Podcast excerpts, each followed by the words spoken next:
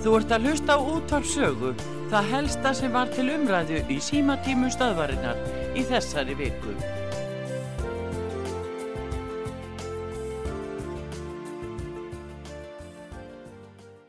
Herðu, Sæll Helgi heiti ég. Sæl. Herðu, mér langaði hérna að koma inn á hérna eitt. Já. Það var grein eftir hann Óla Ball til hérna skal þess verið fréttablaðinu fyrir nokkru dögum. Að það þýlur hann upp uh, hérna hvað er að skýja í Evrópu með þessa verðbólgu og, og allt það. Já. Í öllum Evrópulöndum Já. skal þess verið ekki hrektu stýrivöxtu. Þeir eru um 0%. Já. Hér eru þessi dundrað upp alveg upp, upp til Guðs. Já, þrjó- 3,7 nú, pe- 75 núna. En Pétur, Já. Segðu mér nú eitt nú bara í fullkonar hinskili. Já. Á hverjum endanum eru fýblin? Er þetta, er eitthvað hreinskili svar við þessu eða hvað? Nei, það er kannski ekki trendskili svar við þessu. En þetta er bara það sem að hefur leikið í ára tugi og gert allt vittlust. Já, sko, það sem gerast og hækkar vextina, þá er þeir sem eru skuldir fyrir, þeir borga bara hærri vexti. Og, og tökum sem dæmi, atvinnulífi í landinu skuldar 8.000 miljardar í vexti, mér sagt. 1% vext vaksta hækkun þýðir 8-10 miljardar hækkun. 8-10 miljardar, heyrðu. Þessi 80 miljardar verða neytendur látni greiða takk fyrir. Skilur þú? Þannig Það er að... betur, en mér finnst þú vera að snúa út úr núna fyrir mér. Jæja, Sko, af hverju eru þessar glórfur bara gerðar hér á landi en ekki annar staðar þegar svipar aðstæðu kom upp? já, Það er spurningin. já, já, Hm. já, já. Sko, og, og hérna, sko, og þessi blessaðar hagfræðingar eða hvað þetta pakk heitir og allt saman, Mm. skal ég segja, þeir hljóta að hafa farið í svipaða skóla og, og, og þessi verið að taka þessar ákvarðanir hérna í Evrópu. Já, ég held Í að það 27 eða 8 löndum sem var til hér Evrópu. Já, já, Sko, hérna, ætli sé eitthvað sér hagfræði fyrir Ísland? Eða getur þetta verið að e- e- einhver öll vilji starta þessu svona? Mm, já, þetta er ágæta spurningar sem þú varpar fram. Mm. Sko, já, hérna, sko, en það væri náttúrulega fráðlegt að nú fáið þið þessa pólitíkusa af og til. Já, Akkur gangið ekki almennlega á þá með þetta? Hvort að þessi einhver spes hagfræði fyrir Ísland? já, veistu hvernig þetta er, já, með, sko, nú höfum við Sæðbabanka sem ákveði stýrivextina. Stjórnmálamenni segja gætnan, við höfum ekkert með stýrivext að gera, þetta heyrir allt undir Sæðbabankan. Sko, já, já, við vitum alveg það að, að hérna skal þess að það eru til símar og alls konar dótulur sem koma samband á, á milli. Já, já, það er rétt. Sko, en hérna, já, Það er það mjög, var þetta og svo langum við þess að koma inn á annað. já, Sko, í öllu sveitafélagum þá verður að tala um það að hérna setja eitthvað voðalegan kraft í íbúðabyggingar, já, já, ekki satt? En allir þessi menn hafa einhvern tíma þurft að, að hérna að ná í yðnaðamann. Ég- Hver á að fjárm, allar sveitafélag að fjármagna íbúðabyggingarnar? Ætla þeir gera sko, að hérna, þeir eru að íta undir þetta, sko. Já. En hérna, sko, eru nokkur yðnaðamenn til þess að græja þetta sem að þeir eru að tala um 2, 3 eða 4 þúsund til dæmis á Reykjavíkusöðinu? Nei, það, þetta er alveg rétt hjá þér. Það er ekki til Mm. mm. mannskapur í þetta. Það er ekki til mannskapur. Fyrir utan það Sko, að þetta en er bara Hérna, sveitafélag fara ekki að heldur þú að Reykjavíkuborg, hvað ætla þeir að gera? Þeir eru með rándýra lóðir. Ef þeir vilja að lækka húsnæðisverð, þá lækkaði lóðaverð. En þeir ætla ekki að gera það því þá lækkar hérna fastegnagjöldin til þeirra. Þeir ætla ekki að gera það. Já, já, já. Sko, en hérna, en manni finnst þetta að vera svo mikið tvískunningur og bara fals, Já, bóstalega í þeim öllum.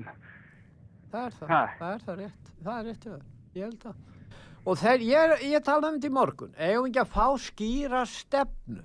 Ég menn, akkur er þeir að fara út í þetta starf? Geta þær ekki bara sagt, það er mín köllun að berjast fyrir, að, til dæmis berjast fyrir því að við fáum sundabraut, þá það væri ekki annað, og berjast fyrir því. Nú erum við búin að býða eftir sundabrautin í 30 ár, við verðum sennilega að býða eftir henni næstu 30 ár með að við uh, sena gangin í þessu máli. Akkur geta stjórnmálamenn ekki sínt, hrein, sí- sínt ykkur að hreinskilni og verið helst eftir manniskur og sagt ég vil þetta en ekki þetta. En þeir geta það ekki. Já, já, já, sko, og hérna, eh, en, þetta með það að, að, að hérna, ætla að dundra upp hérna, eins og ég segja aðan hversu það eru 2, 3 eða 4 þúsund, sko, að það er ekki mannskapur í þetta, eða hefur ekki verið. Nei. Og hérna, og sko, Þá er ein En- leið að fólk fara að byggja sjálft svolítið eins og í gamla daga. Það fær þá útluta lóð og hún er ódýr. Það getur þá byrjað að vinna svolítið í þessu og, og hérna tekið nokkuð langan tíma og það er ein leið til að gera það en þeir vilja ekki þannig fyrirkomulega. En það er ein leið til þess að, að draga, menn getur til dæmis útluta lóðum á, á kjalanesunu og víðar og þá getur menn farið að byggja parhús, einbýlishús þess vegna, tekur nokkur ár og svo geta þeir bara reynd að byggja og vinna í þessu smám saman. Þetta gerðu menn hér áður fyrir. Akkur er það ekki hægt að gera þetta aftur? já, akkur er það ekki, já, ég bara get ekki svara því, með nefnir vissu. Nei. En hérna, sko, en þetta væri frólægt fyrir ykkur að ganga almennilega á það og spyrja með þessa hagfræði hvort að það sé eitthvað önnur formúla fyrir Ísland. Gott Eins og við mál. komum inn á þarna fyrst. Einmitt, ég ger það. Þakka ég fyrir að ringja. Herðu, já, sömulegis, bless.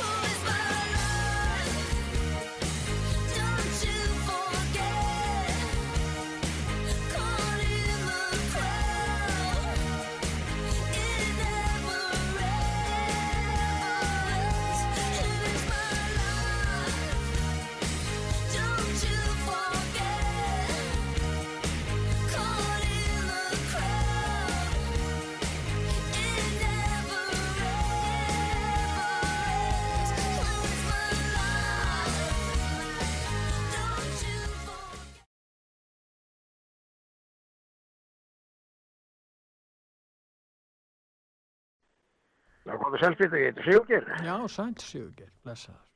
Erðu þú að sko eitthvað að minnast á Pávan? Já, hann ætlaði að hitta hérna Pútin, en Pútin hefur ekki svarað Pávanum, Frans Páva. Nei. Nei, nei. Eh, Þú þekkir þetta nú úr káarska sömnæðurinn. Ég er ekkert mjög fróður þar, nei, nei, ég veit hver Nei, Pávin er, ég veit hver hann er, eins og þú. Og Það fleiri. varst ekki í honum eitthvað tíma. Já, ég get verið skráður, jú, jú, í, ég held söfnu, Ég hef það líka eitthvað, ég held það. En nú er, þetta nú bara stóra tækifæri Pávans Já, t- að gera eitthvað því að já, það náttúrulega grundvöldurinn í báskapnum sem að hann er að bóða, það er Já. friður og jörðu. Já. já. Hann, Ég held að hann ætti nú að gleyma Putin, hann ætti nú frekar að fara að snúa sér að patriarkan sem er í Íslabó, Östukirkjuna, hann Já. er í Íslabó já, já, já, já, og þegar að þeir soldana riðu að þá þeir hrefðu ekki við Kristín kirkju, gerðu það ekki, sko Íslabó ekki neitt og, og verðu hana frekar en hitt og ég eiginlega held nú að Pávin ætti nú aðeins að eða bara þeir sem að eru innandir í sér í Kavals kirkja, þeir, nú þeir getur nú, ef að Pávin finnlega fær á fulla ferð með bóðskapinn og, og, og það kynverjarnir að þeirra bóðskapur byggist nú á því að já kenning kommunisma segir náttúrulega svo að þetta sé allt saman óþarft allar trúar kenningar og já. slíkt og þeir hafa nú verið í erfileikum með þetta og það eru múslimandi líka Pávin geti hugsalega tala til fyrra já, já, og þá náttúrulega verið við Kína kannski vandræðum og, og Pávin sem kom hingað aftur því og nýju þú mást þetta honum já, já. Jóhannes Páll, að það er nú já. talið að hann hafi jafnvel haft mest áhrif á það að sá þetta ekki fundur hreinlega. já, það er rétt. Þannig að, en til þess að... En þú veist hvað hann gerði? bankinn- Ha, þegar að pólverjar eh, þegar verkalýseyfingi þarna í Gdansk var að gera sína þetta uppreist þá stutti, stutti hann, hann var frá Pólandi og, og þeir stuttu þessa uppreistum menn eða gáfu þeim möguleika, sendu þeim eh, svona ímis gögn og annað til að hjálpa þeim í þessu máli, það gerðu nú þeir fyrir vestan haf líka þannig að, að, að, að það er alveg rétt hjá þér, Páin átti stóran þátt í því að, að þessi þessi uppreist tókst þarna í Pólandi eða breyting, þetta var nú það var nú ekki vopnuð uppreist en það var breyting nei, nei, en, en síðan er náttúrulega Búlgaría og, og Greikland að þau eru, er ekki Búlgaría líka í Östukirkjunni? Allavega Greikland og, og Greiklandir í réttrúna kirkjunni, jú, jú, Já, já. Og ef, að- ef og að Serbía. það er ekki tækja mótónum og, og þá gæti þetta nú, nú síðan hefur það manni hefur manni hefur nú sund hálfurðulegt þetta samstarf Páans við Þeir hafa haft ágætt samstarf við múslimanna hérna kaðorska og- kirkja. það verður kannski að styrkja það þannig að já, á einhvern hátt þannig að þetta myndi allt veikja bæði Kína og og rússana ef hann færi hreinlega til Istanbul því ekki Já. að koma þangað það verður náttúrulega já, Erdogan getur allavega verið á móti því nei, nei, hann ekki, er það- ábyggilega ekkert á móti því. En þú þarft að koma þessu álið í já. þú getur að vera í samband, ertu ekki í sambandum við Ég er ekki í beinu sambandi við Fran, Frans Páfa, nei, nei. En þetta er hins vegar, þetta, þetta, þetta, þetta sem hann er að gera núna, að reyna að ná í, þetta náttúrulega vekur aðtikli og Putin er ekki að svara honum og þetta er náttúrulega neyðalegt af, því að þetta er náttúrulega, þetta er tilgangslaus stríð, það er náttúrulega villimannlegt og annað og, og Já, til, þetta, ja, sko, þetta er náttúrulega bara innrás þetta þetta já. er, ekki bara, þetta er bara innrás í annar ringi og, en, en hann á ekki að vera eldast í Putin þetta er alveg það, hann, er náttúrulega óskilin eftir að skuli vera eldast við hann hann Já, við eltast. hann, hann já, ég hann á að hann, tala við þá sem hann á að tala við þá sem að hlusta á hann og það er náttúrulega hugsanlega patriarkin í Istanbul og, og aðrir kirkjusöfnir og jafnvel Já, og fórustu menn í réttrúnaði kirkjunni sem hann dveli í Moskvu og já, annars staðar, já, já. En hann er reyðubúin að fara til Moskvu og hann myndi tala þá við fórustu menn Það réttrúnaðar. er bara lítið svirðing í Úgrænu og, og, og, og náttúrulega alla veröldin ef maður færa fara til, til Moskvu til þess að tala við þennan Akkur- glæpa hund og morðingja. Það, það er bara strípaleikur. Þætti er það, það. þætti er það, er það, að hann, ef hann færi þangað til. sko, þú ferð ekkert að tala við menn sem er ekki viðræðu hæfur vegna glæpaverka, það, það er bara lítisvirðing við. Eh, stefnum og hann verið að lítisvirða bara alla þá sem að þykist vera að tala fyrir, sko, ef, ef hann fær að tala við Já, glæpahundinn, já, en þú sér það, ef hann myndi mæta í Moskvu, myndi, myndi fjölmiðlar í Rússlandi segja frá því? Sko, Ef hann fær að tala við forystu með rétttrúnaða kirkjunnar í Moskvu? Misskinningurinn liggur liggur fyrst og fremst í því að, að þegar gerðir innrás í annar ríki Mm. að fara þá að, að, að jafnvel að smjadra Ég er að segja þetta smjadra. Gleipa hundinu sem að gera innrásina, ég, ég, ég skil þetta ekki. Reyna að koma á friðarumræðum, akkur ekki? Þú gerir ekki, það er bara rúsa að fara með hér nú, það, það er ekki, fríðaverður að geta va- alla, Nei, en þetta, er bara saman er sem náttúr- Hitler þegar hann var í- Já, já, þetta, en, þetta, þetta þetta er getur, þetta búið að standa, sjáu til, þetta er búið að standa hjá rússonum í fleiri, fleiri hundra ár. Þetta er bara framhald að stefna keisarans, ekkert annað. Að ráðast inn í næstu lönd og taka þau. Það, það, það er ekki nokkuð skapað hluta. þetta er spurningan um að hafa reyna að hafa áhrif á rússinskan almenning til dæmis. Það á ekkert að reyna að hafa áhrif á annað en hátt þannig að hann skilji það að þetta, þetta er búið að mistakast. Það, það er bara fyrst og fremst það og farið meira í burtu. Erum við að þakka þér fyrir? Þakka þér fyrir að mig Bless, bless. til. Blessaður. þið-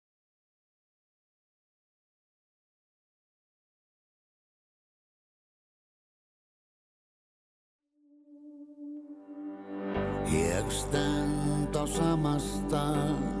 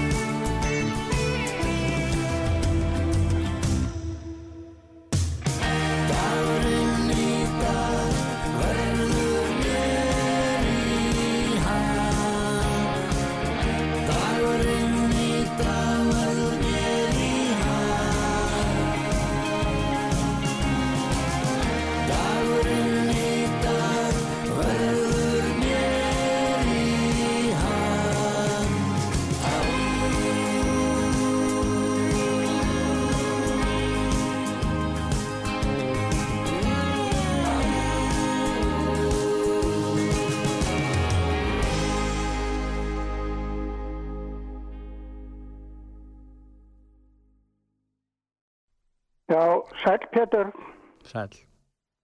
ég heiti Sverris, ég er orðin, var að hlusta á áðan þegar að Valgir var að tala við þig Já, og ég er orðin aldraður og ég er ofta að hugsa um sko stjórnun hérna í landinu. Mér finnst Ísland vera að mörguleiti hálgert stjórnlítið banana líðveldi Já, já, í mörgu.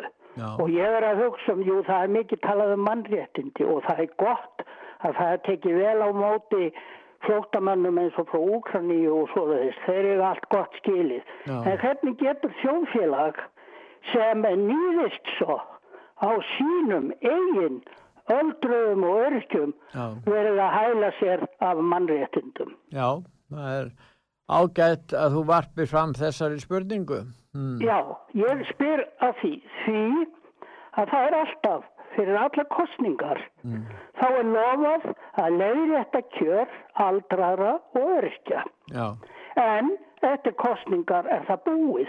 Þetta á maður í- bæði mann eftir þessum umsóknum og maður á skriflegt bref frá 2013 frá Já. þar sem á að aflétta öllum skerðingum því aldraðir eigi að lifa með reist. já, já, En svo er það gleym.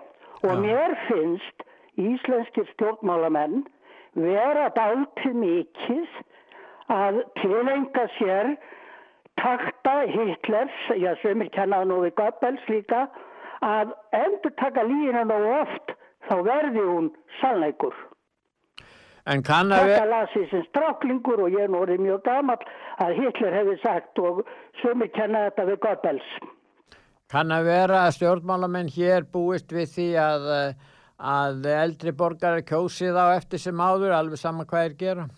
Já, sumir kjósa alltaf það sama, þetta er eiginlega trúaratriði. Já. Ég man eftir gamlum kunningja mínum fyrir löngu síðan þegar ég var ungingur, ég er nú verða komin, eh, já, um áttrætt. Ég man að hann barði í borðið og sagði, mér er anskotan sama hvað sjálftæði frá gerir, ég kýsa hann samt. Já, já, Þetta var bara trúaratriði. já, já, já, já.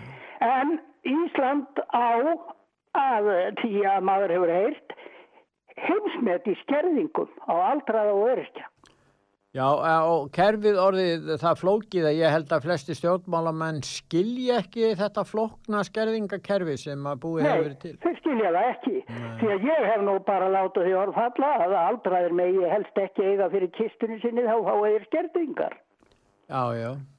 En mér, mér, það er svo margt einkennilegt í þessu. Það er til dæmis nú að við séum búið að hækka lengi vel þá mátti eldri borgar og öryrkjar ekki að vinna neitt því að þá sem voru Nei, skertir. nú var hækkað hjá var það- ö- eldri borgurum frítekjumark upp í 200.000. Já, já, En eldri borgar sem eru kannski komnir yfir áttrættan og alla hægt að ætlast til þeirri vinni. En Nei. það var tekið skýrt fram þegar þetta var gert að þetta næði ekki til lífeyrissjóðstekna. nei, nei, nei. En hvað eru lífeyrissjóðstekjur aldraðra? Þetta eru atvinnutekjurnar okkar sem við vorum skildu með lögum Já. til þess að geima til efri árana Já, og svo er það tekið af okkur svona. já, já. En Ég skildur borgaði það... lífur sjó bænda frá Já, En frá að- hann byrjaði 71 held ég og alveg þá til hæði en 35 ár og ég sára lítið fengið á þessu vegna skerðinga á móti. En ég skil ekki akkur atvinnuskerðingar voru á hérna, eða skerðingar voru vegna atvinnutekna eldri borgara til dæmis. Þegar að ljóst var að vantar vinnuafl, vantar reynslu mingi fólk, fólki Já, vinna áfram, það borgar skatt af þessu, samt átt að skerða og ég skildi að þeir segja að það kostaði ríkisjóð, ég hef aldrei skilið það, hvernig það það er ríkisjóð um. það er alveg óskiljanleg uh, setning. En þá að, að, að hérna, hann myndi kosta ríkisjóð ég menna nú er ráðamenn því þá hvort þeir fara að vinna, það myndi margir fara að vinna áfram og hafa, hafa tekjur, jafnvel góðar tekjur sumir og, og greiða síðan þessa skatta til, til hins opimbera og svo vantar fólk hérna, við vitum það það er ekki verið að, er ekki verið að flytja inn fólk í stóru stíl. Nú ég var að lesa um það að í sömu sveitafélagum í þessum kostningum þá eru 40% af kjörskrá eru innflytjendis og ekkur hópur er nú komin inn í er já, Og, og þú sér það sko, ef við erum að hugsa um þetta, hvað þetta er eiginlega rángsnúið. já, það er það, það, er það. Og, og sko það eru sett lög til, eh, sko, ég hef ekkert á móti því að borga skatta, ég hef alltaf borgað skatta alla mína tíð og ég Já. borga skatt af lífeyri sjóðstekjum, svo er ég skertur en ég borga líka skatta þó ég sé aldraður af hérna elli launum með því sem kemur frá tryggingastofnun Já. og það er ekki lægi en ég vil bara eins og lofaði var í upphafi þegar lífisjóðinu voru stopnaðir þetta ætti að vera umfram annað sem við áttum að fá það var einmitt spurt um þetta þetta átti að vera umfram svo aldraðir gætu lifað með Já. svo er það tekið af okkur með lögverðum þjófnaði bara vil ég meina En það er líka miklu hagkvæmara að eldri borgari vinni áfram ef hann vill vinna áskerðingar vegna þess að ef að flytja inn vinnuafl til þess að vinna það verk sem hann hefur verið að vinna þá þarf að byggja allt upp fyrir þann innflytjanda skilur Já, það er miklu já. dýrara því að hann náttúrulega sá sem er fyrir eldri borgari hann er náttúrulega búinn að búa hér og, og, og, og er í raun og verið enga þjálfun og, og hefur sitt húsnæði Já, og kann þetta. aðstöð og annað og, ef hann fer að vinna og nýta sína þekkingu og reynslu og sem er auðvitað mjög verðmætt út af fyrir sig og heldur áfram að vinna og greiði sína skatt að því og það þarf á þessu vinnaafla að halda þá er reynd sagt við hann, nei þú skalt ekki vinna nema þú skalt verða fyrir skerðingum á sama Já. tíma er verið að flytja inn fólk sem er miklu dýrari leið heldur en að leifa eldriborgurum að vinna áfram þetta skil ég ekki og ég hef aldrei heilt Já, skynsalega það er ég, margir sem skilja það ekki. Nei, og þeir hafa aldrei komið- Að, eh, já, ég ætla aðeins að minnast áka hvort bankasölunni, mér finnst þetta dáltið furðulegt allt saman og það er eins og einn kunningi minn fyrir á landi, ég er fyrir norðan, sagði og honum eh, fannst eins og að Katrín væri nú eiginlega að skemma sína pólitísku framtíð. En hvar í siðmæntuðu landi kringum okkur eftir þessi læti og þetta allt saman fengi Bjarni Bendiktsson að vera ráðherra. þakka ég fyrir að ringja fyrir. þakka ég fyrir Já, bless. blessaður. Í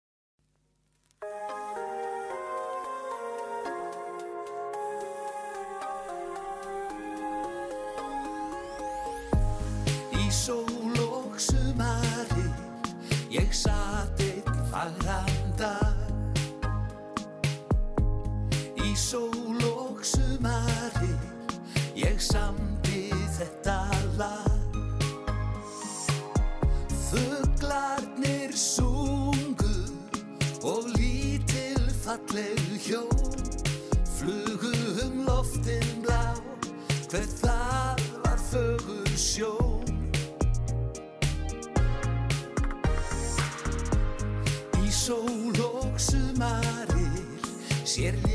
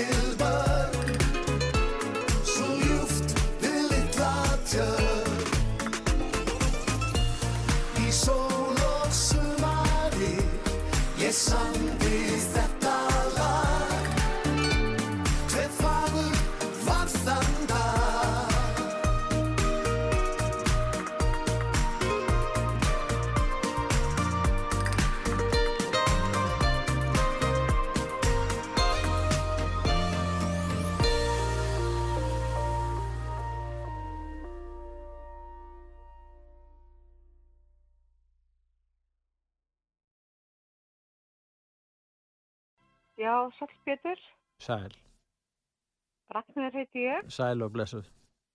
blessaður. Þegar ég var hérna við nám í Madrid uh, 1978 og 79, Já, já, og þá var náttúrulega president við liði, já, já, og ég maður því að þá átt, átt, að hérna, fyrir ekki að hækka hérna brauði, þetta la barra, hérna langa brauðið um 5 peseta. já, Ég man mjög vel eftir þessu og þá hérna fór já, 79 sennilega, þá fór ég 200.000 húsmæður út á götu að mótmála hækkuninni. Já. Já. Og hækkuninni, hún, hún var dregin tilbaka. já, Já. Þetta er 79. Og svo frétti ég fyrir skömmu af því að hérna það voru 150.000 manns sem fóru út á götu nýriða til að hækka matvælaverði á Spáni. já, Þetta myndi aldrei gerast á Íslandi. Nei. Aldrei. Nei, þetta gerist í Noregi, jafnvel á sínum tíma, að þá var fólk að mótmæla hækkunum, nú í Fraklandi þá hafa margir gert það líka. En þetta er rétt hjá þér, er ekki, við erum ekki þekkt fyrir að koma fram og mótmæla. Að vísu er undatekning, það var þegar að bílstjórarnir í aprílmánuði 2008, uh, mannst eftir því að þeir keirðu Já. um hér og, og, og, hérna, og voru að mótmæla hæ, hækkun á oljuverði og, og til Já, að byrja með var almenningur uh, stuttið á en síðan fóru fjölmiðlarnir að, snúa gegn þeim og þá var eins og almenningsáliti hafi ekki stutt á jafn mikið eftir það. Síðan fór lögregluna af stað og reynda að stöðva þetta. Já. Ég bara, ég bara tel að við Íslendingar sem bara auðmingjar. Við, við mótmælum engu, við bara látum allt yfir, yfir okkur vaða, ekki neitt. Já. Já, ég vil bara segja þetta. Ok, takk. Einmitt, takk æði fyrir að ringja. Bless, bless.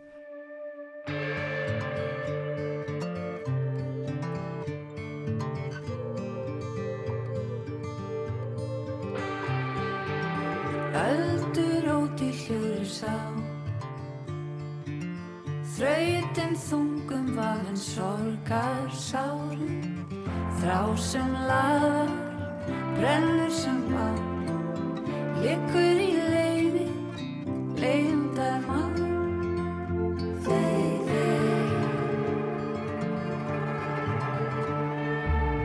Ljósar skiptum þær að sjá.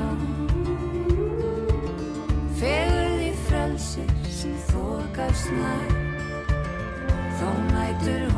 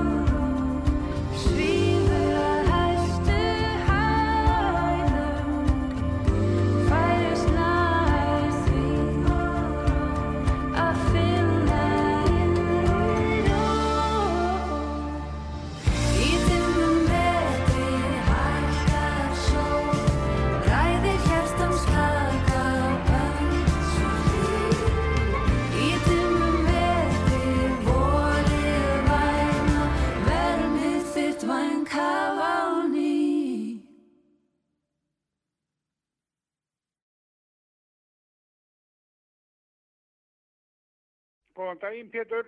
Góðan dag. Guðni heiti ég. Sæl, Sörins. sæl. Ég er að tala um flugvöldin Já. og hvað skildi þér alltaf að gera við sjúkraflugið Já, því hefur ekki verið svarað. og hvað ég er að spá að sjúklingar sem hafa verið fluttir út öllra landi hefðu ekki þólað kílómetri viðbót Nei, til að lifa af. nei. Hmm. Hvað á að gera við þá? Ég veit það ekki. Ég veit ekki hvernig þeir hugsaði þetta, en það er ljóst að þegar, ef og þegar þessum flugvelli verði lokað, þá verður að flytja flugi til Keflavíkur. Það er engin, ekki engin annar staður. Er það? Hvaða staður er það? Þá, þá verður bara að flytja sjúkrahúsin orður til Akureyrar. Já, já, það, já, þú veist Það alveg, er ekki, já, ég veist að reykjökingar eru ekki af því. Við erum bara, verðum er með, við verðum með þetta hátakni sjúkrahús, vantilega búið að byggja það eftir tíu ár hérna í, yfir hingbrautina og, og þess vegna þarf að vera flugþangað frá utan að landi, þar að segja, uh, að- liggur bara í augum uppi og fólkin er að fjölga um allt land og hér koma, hinga koma ferðamenn og aðrir og, og það er miklu fleira fólk í landinu og það verður miklu meirum slis í framtíðinni þannig að, Þetta er eins, eins og með auðferðamenninguna sem þeir vilja losna við. já, já, Það er ba- eiga bara örfáir að fá að fara í bæinn og hinn er eiga að halda sér bara heima. já, ég, ég held að, en, en sko, ef þeir vilja hafa þetta svona, þá vilja þeir hafa þetta svona, en þá eiga þeir að skýra, koma með útskýringar og útskýra hvernig þá að framkvæma þetta hjá þeim og þeir eiga að útskýra Þeir það hver er get- stefnan, þeir geta gera það ekki. Þeir get ekki úrskýrt það. Þannig að þetta er svo vittlust. Já, Það er ekki nokkuð leið fyrir þá. já, na, það er, hvers konar flokkur er það er það sem boðar í raun og allt. Þeir segja kannski, við ætlum að bæta sjúkraflugið utan að landi, en við ætlum jáfnframt að loka kefla að flugvellinum í Vassmýrinni. Er, er það röggrétt? Hvað fyrir um það? Þetta, þeir hafa ekki nokkra hugmyndum hvað þeir eru að segja. Þeir eru svo rugglaðir. Það myndum. Já, Og þetta er eins og með umferðamenninguna hérna. Það skulle vera gert allt til þess að hæja á umferðinni sem eðir meiru, meira ersniti og meiri mengun. já, Mm. já, já. Akkur gera þeir það? Þeir hafa ekki hugmyndum hvað þeir eru að gera. Ég, sko það er alls konar, jú það er hérna litlir hópar, það er til dæmis einhver hópur fólk sem að vill að, að reykvingar verði þess allir á, á jó, reyðhjólum. Nú, þeir nú það, er, vera- það, er, það er ágætt hugssjón svo sem fyrir þá sem við hafa þá skoðun, en eiga þeir að ráða því, já, eiga þeir að ráða því hvort að fólk sem að þarf að nota bifreið, til dæmis þeir sem komast ekki á milli stað, öðruvísi, öðryrkjar og ymsir, á, á, á, á að pína þá til þess að vera á hjóli, að ég meina, akkur á þessi minni hluta hópur, hjólreið á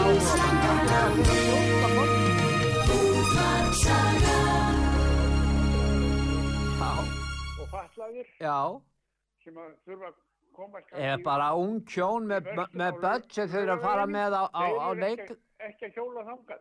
Já, það þarf að fara með börnin á ekki leikskóla og í skóla á modnana. Það er ekkert raunhægt að tala um að fara með börnin á hjólum. Ég meina, ég veit það Þetta er ekki. alveg svo rugglað þetta lið er- eins og þessi sem að vil ja, þetta nýja frambúð hvað það heitir að nýri Reykjavík hmm. Já, það er ekki að tala um að bjarga Reykjavík með því að að reyka flugvöldin í burtu hmm. já, það er nýjasta frambúðið, það er rétt. Að Það, já. En það er eitt í sambandi við eh, byggingar hérna á velli, sko á flugbrautinni þegar hún verður látin fara, það þarf að grafa mjög langt niður. Við, við erum ekki að tala um nokkra metra, við erum að tala um, um mjög, mjög djúpt, þannig að þessi, þessar fastegnir verða rándýrar í, í byggingu og og, var það á Selgjandanesinu það segir að það byggja rafhúsin já, við voru konir hvað, sjö metra niður í jörðina. Já, menn að tala um að þau þurfa að fara tíu metra niður hérna í vassmýrinni, tíu metra niður. Ég veit ekki hvort að það sé er rétt tala en ég hef heyrt hana.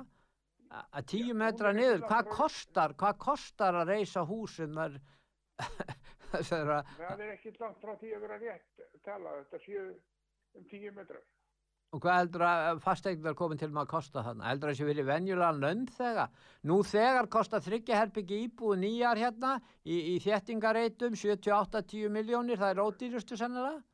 Ég meina, Ég og sí, hvernig heldur að verði í vassmíninni þegar að, að það er að, að, að undirstaðan er svona dýr? Ég meina, Ég við erum að tala um þryggjaherbyggi er íbúið konar yfir Eiríksstöðva 100 á miljónir. mönnum. Ég veit eiginlega ekki hvað er á milli eiritann á þessum mönnum. Það vil ekki vera til neitt, neitt sem að er hægt að uh, hlusta á. það er verið að reka húsnæðistefnu sem að meiri hluti íslendingar, launþegar, 80% íslendingar eru launþegar, meiri hluti þeirra hefur ekki efna á að kaupa þessi hús sem verið er að stefna því að byggja. Það er ekkit öðruvísi. Ég talaði um það við, við alþingismenn fyrir nokkuð mörgum árum síðan Já, að uh, menn sem að tekið lán já, fyrir húsbyggingu, þeir borguðu aldrei meira heldur um 20% af tekjum í. Þannig að þetta er ekki enginn vant að koma þess á. já, já, þá þarftu, já, þá þarftu að lækka byggingakostnað og bæta lánskjörin Já, já. og, og aðgang uh, fólks að lands, að, nei, enginn vant að koma því á. Já, þeir vilja það ekki, það verður ekkit gert. Já, hann sagði þetta. Já, já hann, hann er kannski hann átt að fara til stjórnmálinn og lofa þessu og það þarf ekki að standa við það, er það? Þetta, þeir þurfi ekki að standa við þetta að Nei, lofa. nei, nei. Og ég ætlaði nú að tala við alþingismenn um daginn sem voru hérna á sveitastjórnafundi. Já, Og þeir voru að flýta sér svo mikið að þeir mátti ekki að tala við mig. nei, nei, nei, nei, Ha, nei, Þeir nota það dálítið mikið. já, já. Þeir ekki vera að því að stoppa. Hvernig er þetta fyrir, uh, aust, þú, þú kýst, uh, ert að kjósa fyrir austan, er það ekki? Nei, nei, ég hérna kýst- í nágruninu. Já, já, já, já. Og ertu ákveðin í að kjósa? Ég sé enga, ekkert leið hérna sem að hægt er að kjósa. Ég eh, þekki það bara ekki. Nei.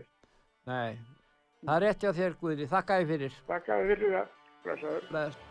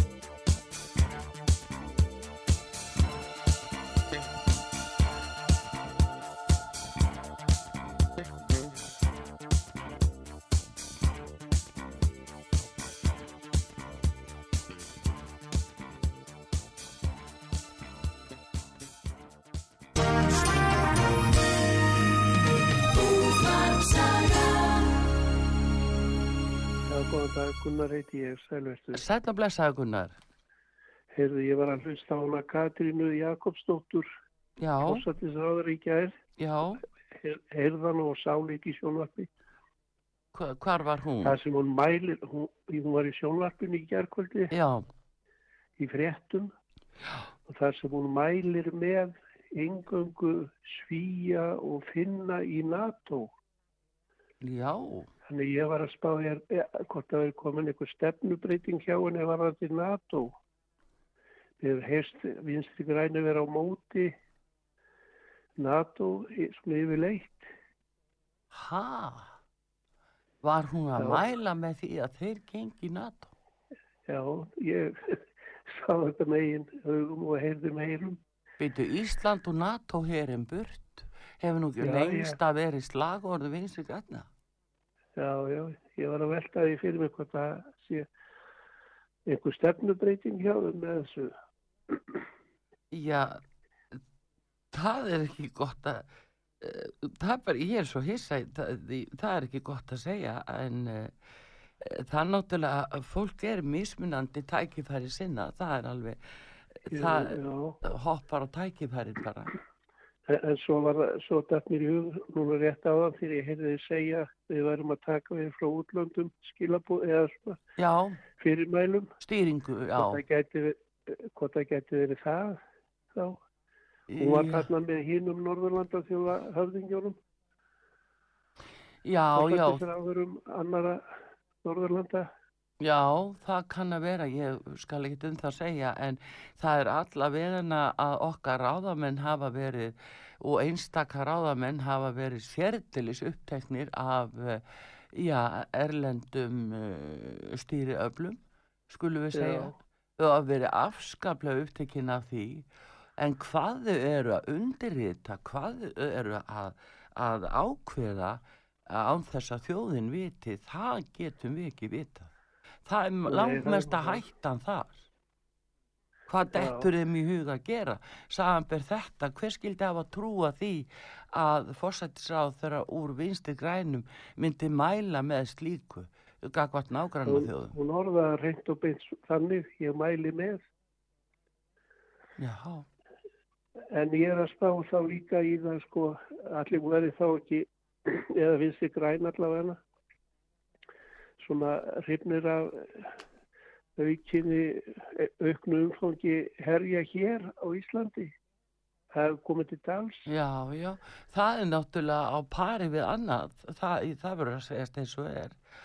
Já. Og, uh, já, hérna, já, það er á Já, öllu, heyrði það er á öllu von, en hins vegar Já. þá fer það ekkert á milli mála að það er verið að eh, taka á móti a- allskins bóðum og bönnum ellendis frá sem okkur er ætlað að fara eftir. Og eitt er það mál sem hefur til dæmis mjög lítið verið talað um og ég ætla ekki að segja að sér þakka niður en það er allavega afskaplega og óæðilega lítið um það tala að það er að alþjóða helbriðismálastofnunin, hú, er að falast eftir því að taka alveg yfiráðin í- á ákunnum hluta helbriðismála í, í ríkjum til dæmis Evrópu og uh, hérna, er á meðal Íslandi þetta verður, það þarf að undirrita þetta og þetta sam, og þarf að samþykjast fyrir hvað 20. og annan mæ næstkomandi og það er engin umræða og þá fá þeir slíkt vald í hendur að þeir geta fyrirskipað að nú sé ykkur faraldur í gangi og þá þurfum við að hlýða öllu því sem að alþjóða helbriðismálastofnunin lætur sér dætt í hug. Hvort að til dæmis öll þjóðin verði núna skildubólusett eða eitthvað annað álíka. Já. Og uh, hvað sem þið geta sprauta okkur með hverju sem er nú að komi ljósa þeirra ekki hugmyndum hvað er í þessum sprautum sem að, var búið að sprauta þjóðina núna. Og, uh, og það, það eru e- innis, eða innihald sem að engarleifis hafar óskuð eftir lengd yfir Já, í 75 já, ár. Og þessu Já. er þeir að spreða út á söður okkur er ekkert sagt frá þessu. Ekki neitt Við minna að þú hafi sagt, eh, eh, ég fer rétt með að, að þessi alþjóða Já, stofnun, að hún væri í enga eigu. já, hún er það. Það eru livjarísarnir sem að eiga í rauninni stærsta hlutan e, í Þeir alþjóða þá.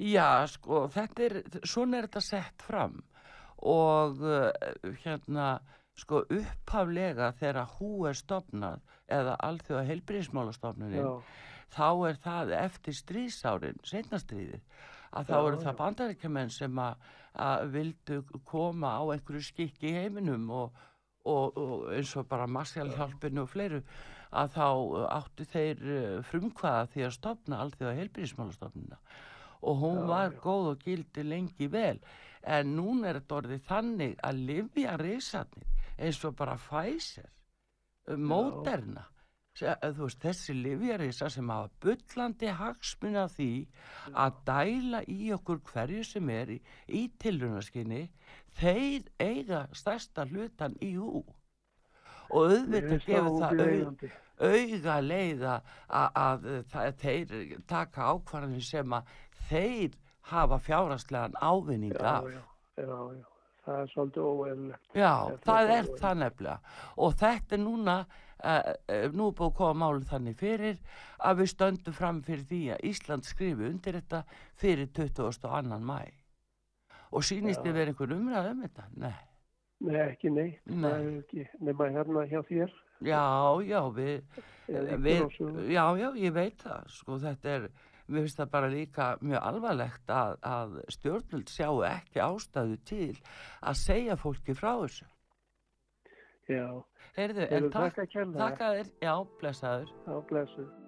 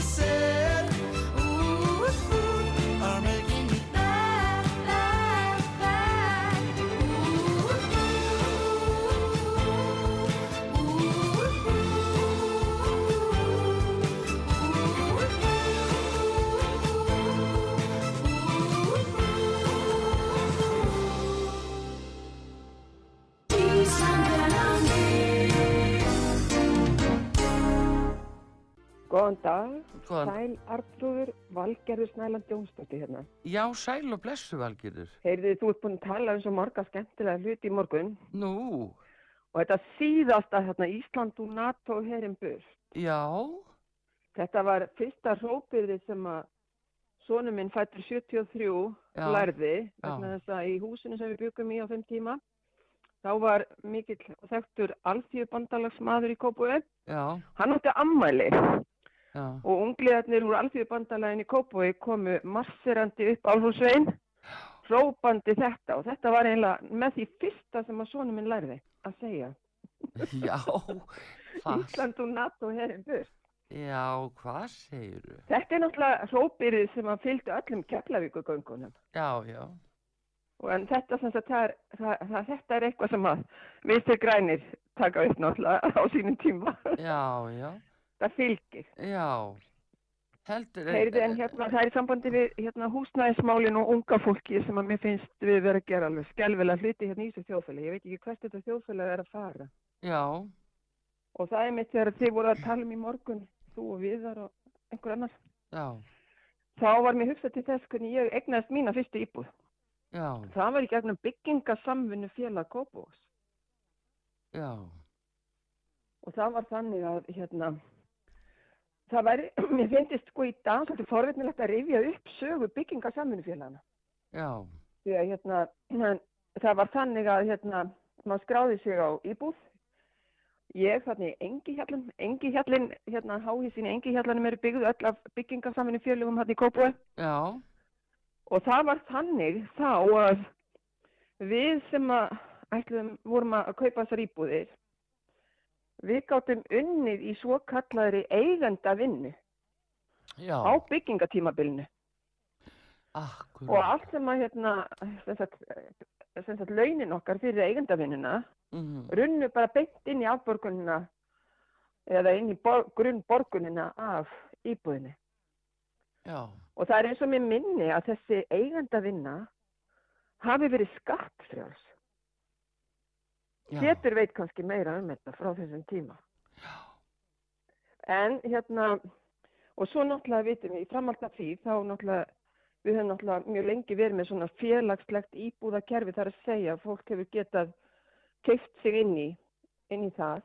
Já, og ég man eftir að síðustu svona félagslegu íbúðirna sem voru byggðar hérna í Kópavogi voru hérna í smárakverfinu, já, á tveimur svæðum í smárakverfinu. mhm, Ég, mér finnst alveg skelvilegt hvernig við erum að fara með unga fólki okkar í sambandi við húsnæðis, bara að hafa þak yfir höfuð í dag. þetta er bara mjög alvarlegt. Ég held að við þyrftum að dusta ríkið af, af einhver af þessu gam, gamla góða sem við gerðum hérna fyrir Já, íbúana í þessu landi.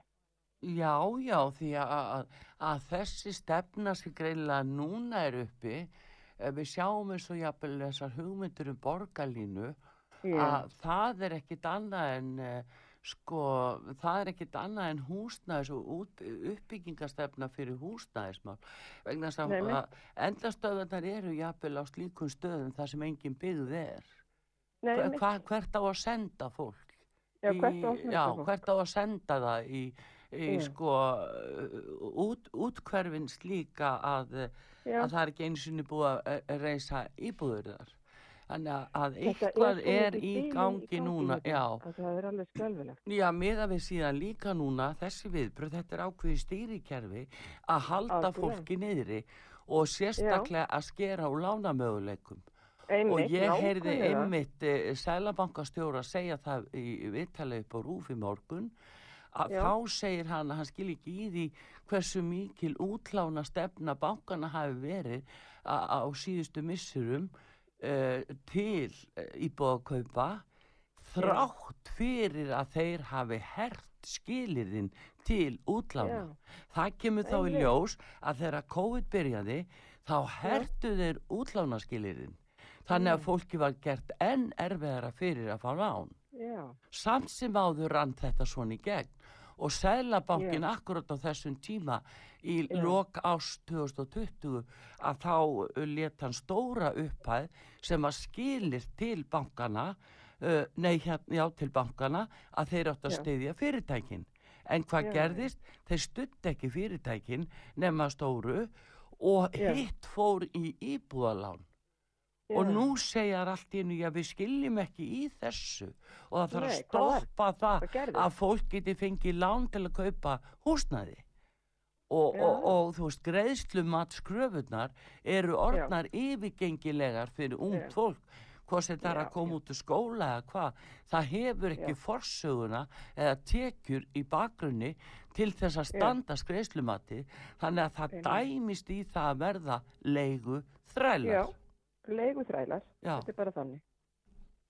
þannig, þannig lítur þetta út ég meina, Get, getur þetta haldið áfram lengi svona? Ætlum við að hafa þessa stefnu ríkandi hérna á þessu, þessu skeri hérna? Já, ég veit Hvar ekki- er fólk með viti í þessu systemöllum? Já, ég veit ekki sem betur fyrir enn og fólk með viti almennt sko, en það Já. er hins vegar kannski er ekki aðstöðu til þess að láta í sér heyra og, Já. og, og bara eh, loka sig af frekar og segir ekki neitt og lætur sig hafa Nei. það. Og, Já. en þetta er auðvitað bara þróun sem verður að stoppa vegna þess að Já, það verður að stöðu þetta. Já, við sjáum það alveg valgerður að það, þetta er heimatilbúin kreppa sem er að koma upp í Evrópu Já. Eh, og, og þá segja menni að það er út á Úkrænustríðinu en, en þeir eru er að beita refsiaðgerðum sem bitna fyrst og síðast á Evrópubúum.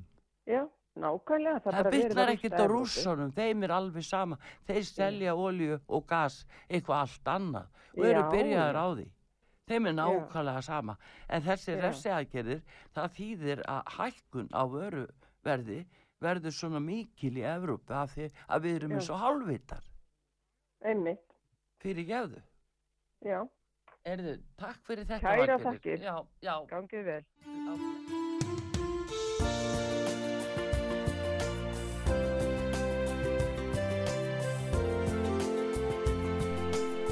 Þú ert að hlusta á útvarp sögu, það helsta sem var til umræðu í símatímu stöðvarinnar í þessari viku.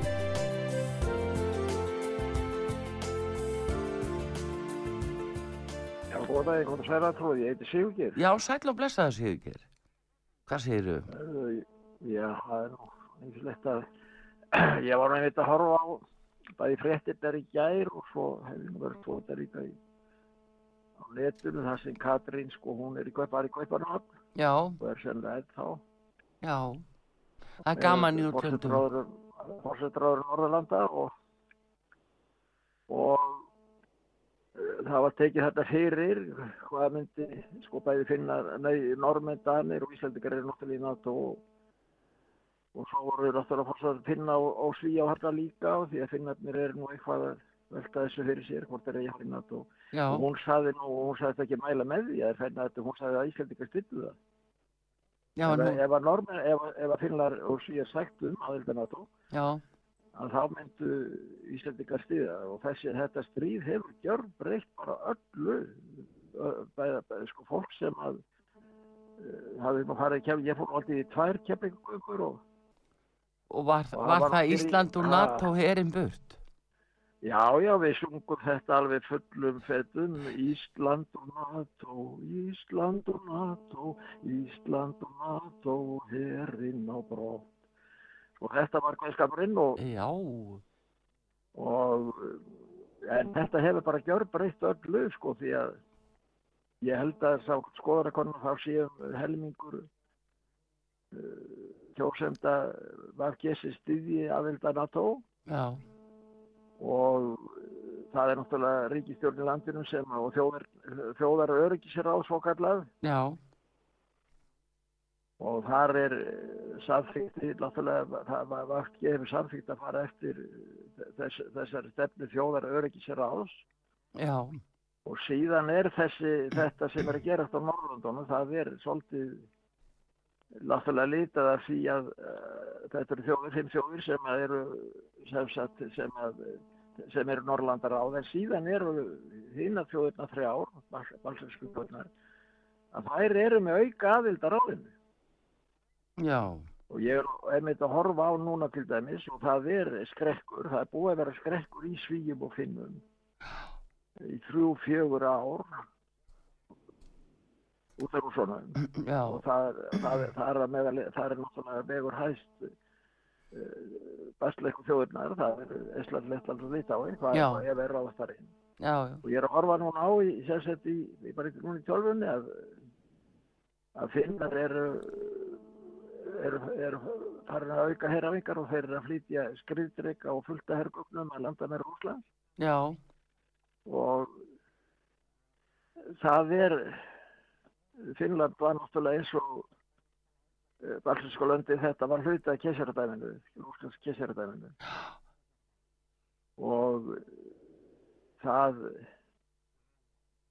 það er náttúrulega Putin búin að segja það þessi, þessi, þær þjóðir sem til er Rúslands kesaradæminu hann er bara sagt það.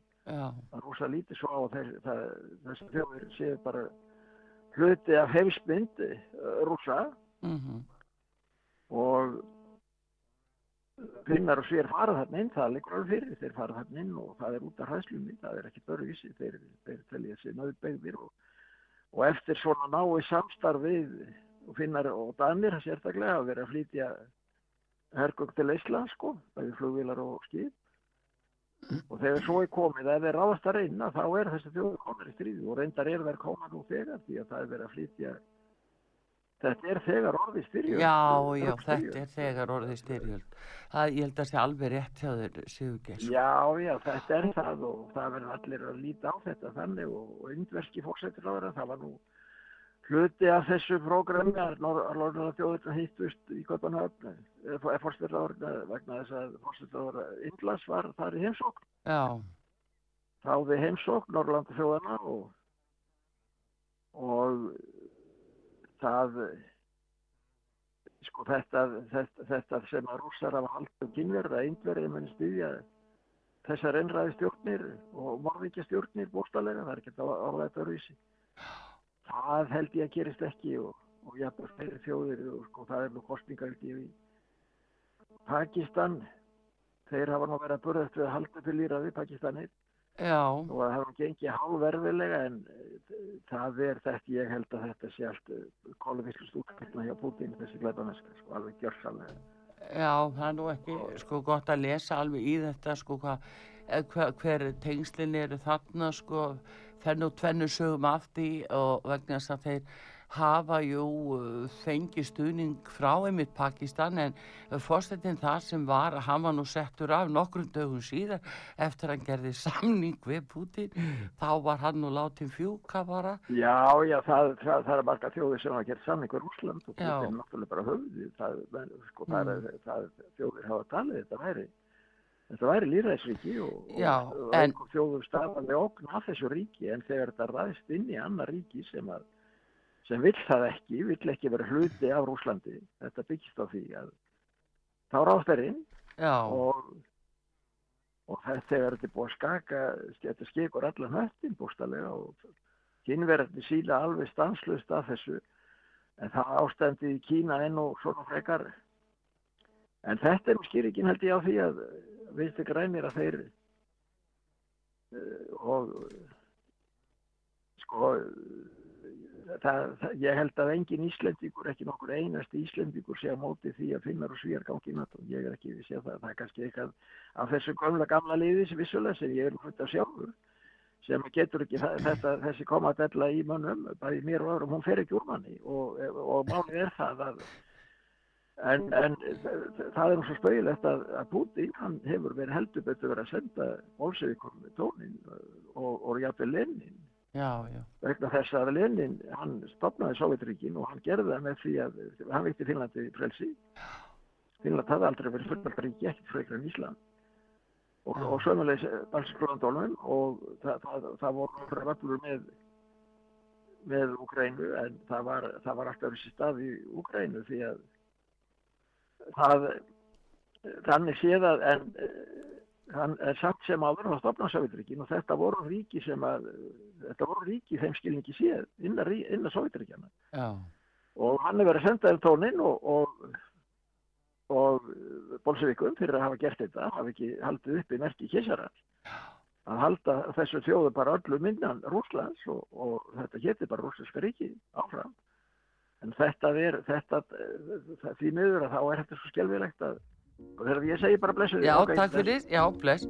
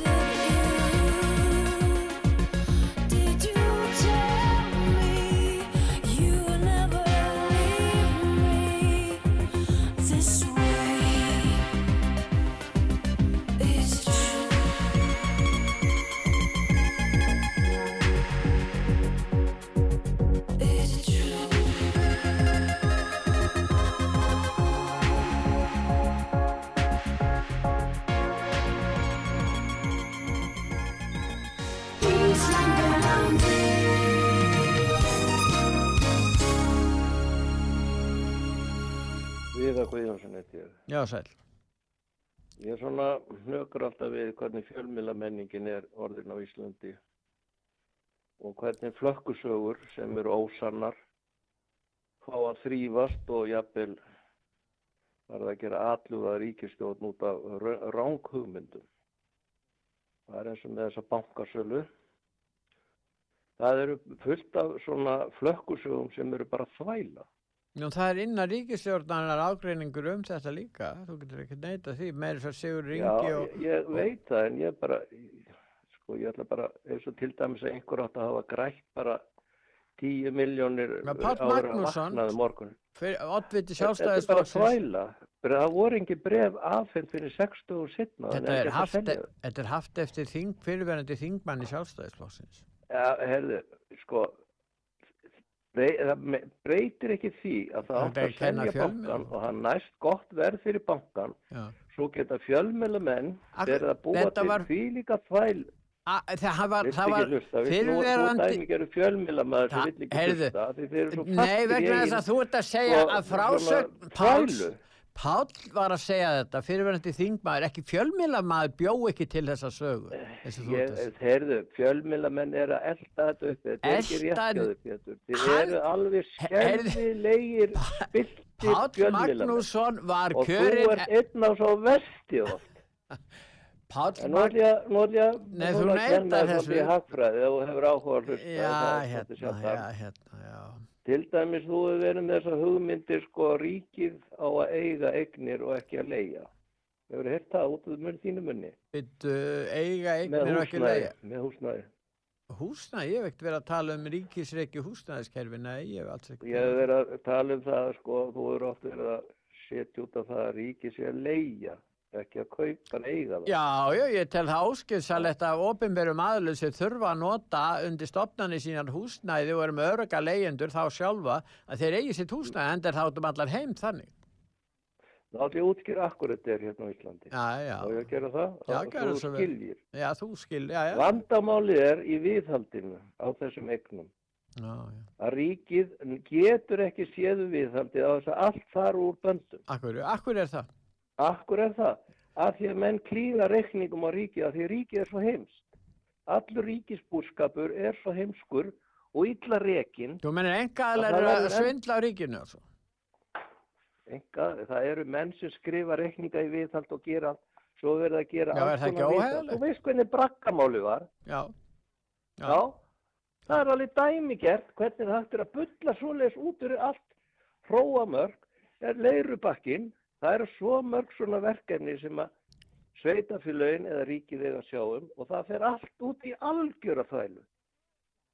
Algjöra. Hvað finnst þér að ég að selja, al, selja alþingishúsi? Hvað Hvað finnst þér um það? nú ertu farin að bulla en einu sinni Nei. til að ruggla umræðum. Nú, það er ekki, það er ekki alþingishúsi við. Alþingishúsi. Það er, hæ, Oh. Býtu við, það er ekki við. Þetta er dæmigerður útsutt snúningur hjá fjölmiðlamanni eins og Pétri Gunnlaug. Það er ekki og við. svo mikill út úr snúningamaður Að og hva- viðhald. hvers vegna er það að því að fjölmiðlar þurfa að græða þeir eru svo ofurseldir mammon þeir halda þeir séu svo miklu bessir vissirar það er hvert ann, bara þvælu máli og fætur öðru en það sem ég hef áhyggjur af og þú hefur líka áhyggjur af því þú vilt líðræði þetta dásamlega líðræði líðræði þrifst ekki þegar fjölmiðlar haga sér svona. Vilt þú leggja af líðræði? þú veist að ég er, ég til það orðarna mikla ágalla í líðræðinu Já, hvað viltu í staðin? ég vil bara fá meira sko að það veri skipaðir sko menn sem að sko eru ekki bara beintlýri, akkur að að krakkar að fá að kjósa til dæmis? Ha? þetta er alveg marg sannað ef, þú- ef að kjósu það að allir fá allt frítt Hvað það myndi allir segja já, meiri hluti myndi segja já hvað á að koma í staðin fyrir líðræði? fáræði, Fáræði, herri já. sem að eru með viti eins og til dæmis hvernig stýra í Kína og Rúslandi og fleiri stöðu þar sem að þvæla og vittlis að færi ekki að grassira Þetta er fasist stjórnafar, viltu hafa það? Nei, það er þú sem ert ákveða því þú er svo mikill líðræðis elskandi.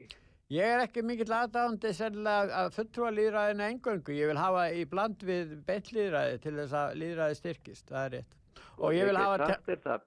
Já, Pétur, Já, við erum tala- búinir að missa sjálfstæði út af því að líðræði er svo mikið. En- Við erum að selja allt, við opnum landi fyrir öllu, við erum mestu menguna valdar hérna á jörðinni og við heldum við séum Er svo það? æðisleg.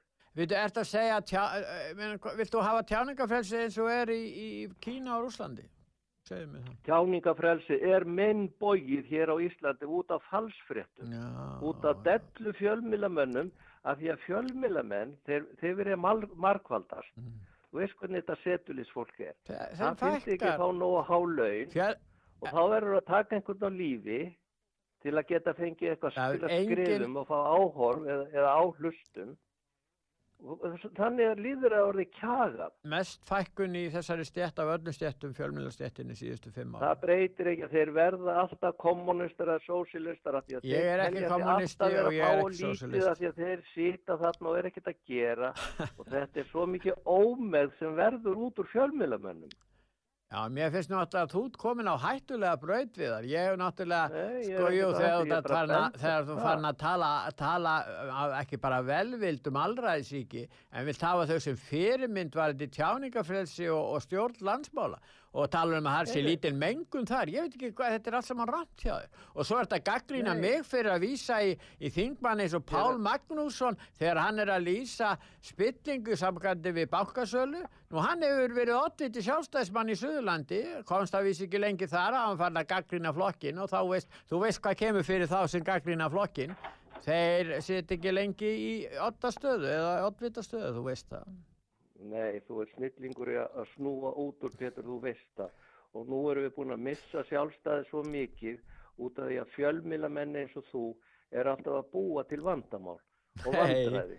Nei, það Jú, og þegar þú ert að gaggrina Kína með Gústafi skúla sinni, Ég, við erum ekkert ekkert hvað er að gera. Við erum ekki að gaggrina er kymversku þjóðina, það er að má gaggrina stjórnafar þar eins Þeir og annars staðar. ofurseldir vestræni svona fjölmila menningu. Við er styðjum, að, við sko, hvað styðjum, eftir annað búin að sína sér bara, bara þvælufréttir. þvælufréttir? Nei. Já, þvælu. Nú, nú, nú, nú, nú, nú, nú, nú er ekki nefnt eitt einasta Og dæmi þú um það. lepur þetta upp Þú og þú veist ekkert oft, sko, þú veist oft betur, en ég tek eftir því að út af illgirni, þá vilt ekki upplýsa alltaf málinn. Getur það Illsku. verið rétt, Æ, á ég að lýsa því yfir að ég sé illgan? Me- Viltu það eða eitthvað? Já, það er spurningin þegar þú ert svona að leiða kjósendur. Sjáðu til dæmis að er verið að tala um núna virðisaukarna, Já. að matvæli og, þessu feitu, feitu Íslendingarnir, þeir vilja að borða borða borða, Já, æja, þeir að borga verða bara, feitar og feitari, já, æja, þeir að borga mesta virðisleika skatt, þeir sem borð, nota mikið mat. Heyrðu, þeir eiga bara að borga strekja skatt? sultarólinu aðeins meira, þá myndi sko ekki þessi helbriðs vandamál verða til út af þeim. Það er engin vanda. Þetta er þetta líðræði, við erum að drepa þjóðinu með ofdekri. Já, Og þú sæ... ert einn af þeim málsvörum þess. þeir sem sækjast mjög í mat, þetta er bara fikk hjá þeim, ekkert Þetta fara verður huggunar átt, ég veit það og það er alltaf og svo fara þær ennþá dýbra í hugsanir og það er alltaf verið að gera mér eitthvað illt og ég á að fá eitthvað og allir er að svindla á mér og þetta er allt út á ríkistjórnin og allir bara vondir og það er bankin, þetta er að síðasta, já það er verið að stela þarna, það er ekkert búið að gerast að þessu sem er búið að, þetta er bara fólkið er komið í ómegð, í hugsun. Nei, sko, ef þetta væri rétt hjá þér, þetta væri einhver, einhver lítill hópu fjölmiðlamanna sem var að búa til fréttir, uh, þá Já. væri kannski hægt að taka undir með þér, en það er bara að allar þessar fréttir koma frá stjórnmálastjéttinni og frá ríkistjórninni varðandi Nei. þessi þetta bankabál, þannig að það kemur fjölmiðlamannum bara ekkert við, þeir eru bara að er lýsa þeim þér, sem fyrir hendi Þú er. vilt ekkert fá sannleikan og þess vegna munum við missa líðræði við það. meir og meir. Landið er selt, sjórin er seldur, að því við hugsum ekki, við viljum alltaf fá meir og meir með útrétta hendi, að því við erum líka líðræðis ást. Það á blóðmjölka þann sem framleiðir og það er gert til þess að þeir sem að nenn ekki að gera neitt, þeir eru að fá og fitna og fitna Við verðum að verja, verja líðræðið, valfrelsi, tjáningafrelsið. Valfrelsi, þetta er ekkert valfrelsi, það er svona hugsana, sko, heila þóttur er í gangi. Já, já, en þú vilt náttúrulega að sumir fái afslátt hjá á ríkiseigum eða ef þeir fá aðganga veist þá er að fá afslátt. afslátt, afslátt. Þetta er mjög góð bankasala. Já. Nei, þá skal sko gera þetta eins. Það er ekki til aðferð að komast út á markaði nema, Mm. nema að vera einhver vandamál og hnökrar einhver staðar. En þetta er bara smávægilegt með að ágóða. Akkur þurfa, smávægilegt. akkur þurfa þeir sem forðast samkeppni, akkur þurfa alltaf afslátt, segðu mér það. Það er Ah, samgerni hérna, já, þeir eru ekkert að fá afslátt og þú Jú, veist að það væri farið tími til að fara dýbra það, þá myndur þú Ah. kannski skilja, en að því að það er engin vilji til að En þeir skilja. get ekki reiki fyrirtæki nema að fá er þú aðgang. vilt þú ert gjaldfrjálsan- mammon, þú vilt fá hlustun, þú vilt fá hlustun og meiri peninga, þú ert svo vilja- gráðugur, Pétur. Þeir vilja fá gjaldfrálsan aðgang að verðmætum almennings í landinu sem verður fyrir því að almenn, þessar eignir almennings eru tekna frá almenningi og þetta fá sem einstaklingar sem þú ert að upphefja. Þú ættir að skammast þín fyrir að Þú stega þennan stöld frá alþýðu Íslands. Bless með því bara. Búinn.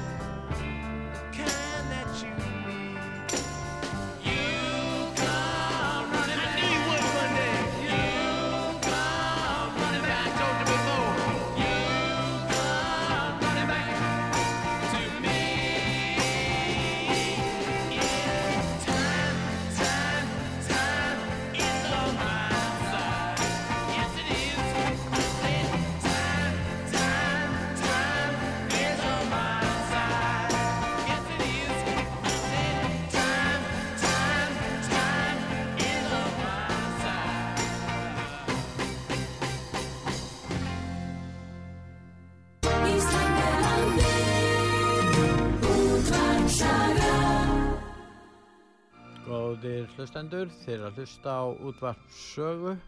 Ég heiti Pétur Gunnlaugsson og útvarstjórinn er mættur. Góðan dag. Já, góðan dag. Heyrðu, hvað segir þið þá? Við segjum allt sæmilegt. Þessi vika að fara á stað og nú er það frambjöðundur til e, bæjarstjórna og borgarstjórna sem er á flegi ferð. Það er fáir dagar þangað til. Já, það styttist en það hins vegar verðt að minna á það hvað frambjöðundur og, og fulltrúar í sveitafélagunum og, og borginni hvað er geta haft afgerandi áhrif á leiguverð uh, og þurfa að standa svona vörðum það að það sé til nægilegt af húsnæði Já. þetta er nú svona það mál sem að kannski flestir eh, horfa til Það má tengja líka lóðaverðið, húsnæðisverðið við samgöngumálin líka eins og vorum að tala um í morgun með sundabrautina ef hún er þið lögð þá Já. myndi Kalanessi byggjast upp Já. og þá veri mjög mikið frambúð á byggingalóðum þar Já. og það myndi þetta mikka lóðaskortin Já, já, já, já, það gefur auga leið og það er líka áhyggju efni sko, vegna þess að, að e, það er fyrirhuga, skils mér, af þessu núverandi meiri hluti í borginni að setja sérstakka gjaldmæla á umferðu e, um ártúnsbrekkuna og jafnvel víðar. Þannig að það verður orðið mjög dýrt að ferðast á milli og, og, og En það verður ódýr eftir að sundabrautin kemur Já, til lengri tíma, hún er það hagkvæm. Já, já, er, og flýti náttúrulega Já. uh, ferðamátanum verulega þannig að það er engin Það er spurning miklu nær að gera það en að fara út í þessa borgarlífnunu áallun. Já, það er bara eiginlega að verða svolítið úrelt þetta var ágætt fyrir kostingarnar fyrir fjórum árum þetta er svona, Fyrir 40 árum. þetta er svona, er svona ekta kostingamál en, en, það, en það er svolítið úrelt núna með kannski kröfur sem eru uppi núna um byggð En meiri hlutin segir þetta er aðalkostingamáli. Ég sé myndir af borgarstjórunum, það er borgarlínan. Já, já, það var líka aðal- fyrir fjórum árum og mikið. það var líka fyrir fjórum árum miklu stokk jú, jú, jú. og hvað 7000 manna íbúð fyrir ofan Og Þú veist, flugvöllurinn, hann átti Já, að fara. og svo er það með fluttur. flugvöllin og ég vil nú að segja það að ég er svolítið hissa að uh, oddviti framsónaflokksi skuli fra, koma fram núna og segja flugvöllin burt.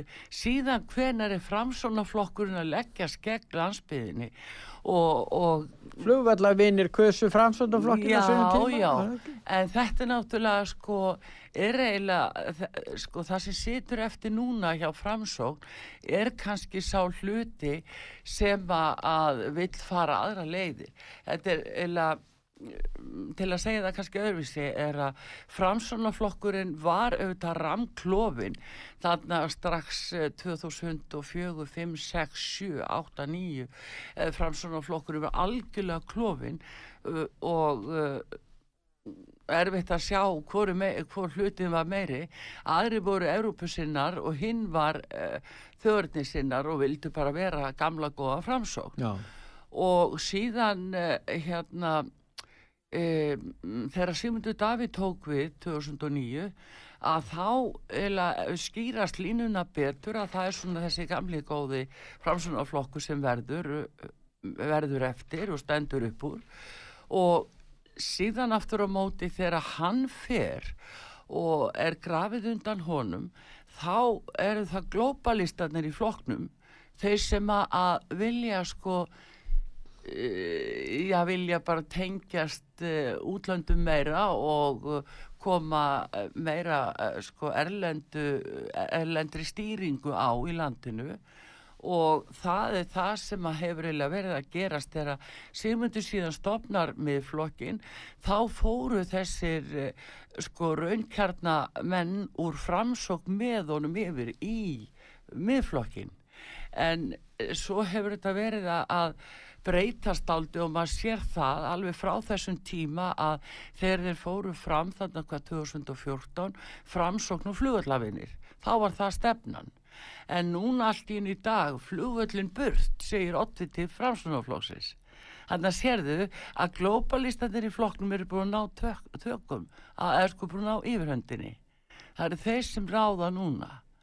Og það er það sem kemur kannski mest óvart uh, svona fyrir fólk sem að hefur hort til framsunaflokksins í gegnum tíðina og verið þar jafnvel að það sér að það er orðið globalista áhrifin er orðin gríðarlega mikil hjá eins og núna í þessu frambóði flugvöllun burt Já, síðan hvena segir framsunaflokkurinn þetta hver skildi trúa þessu Silvía? Já, að alltjóðavæðingi skulle festa rætur í, einmitt í framstofnaflokki og vinstri grænum. Já. Þessi tveir flokkar sem stigur risu upp, sem flokkar andvíir Evrópusambandinu, já. margir þeirra andvíir uh, hersetunni hérna eins og eru hana, varnaliðið, kölluð það hersetun. Já. Nú er þessi sömu flokkar, orðnir Európflokkar. Meiri hluti já, þeirra þe- já, eru að vera eru það. svona já, sko, það er kannski já, já, þeir eru bara, eru svona globalískir þannig að, að uh, það er komin erlend stýring þarna Já. greinlega Já.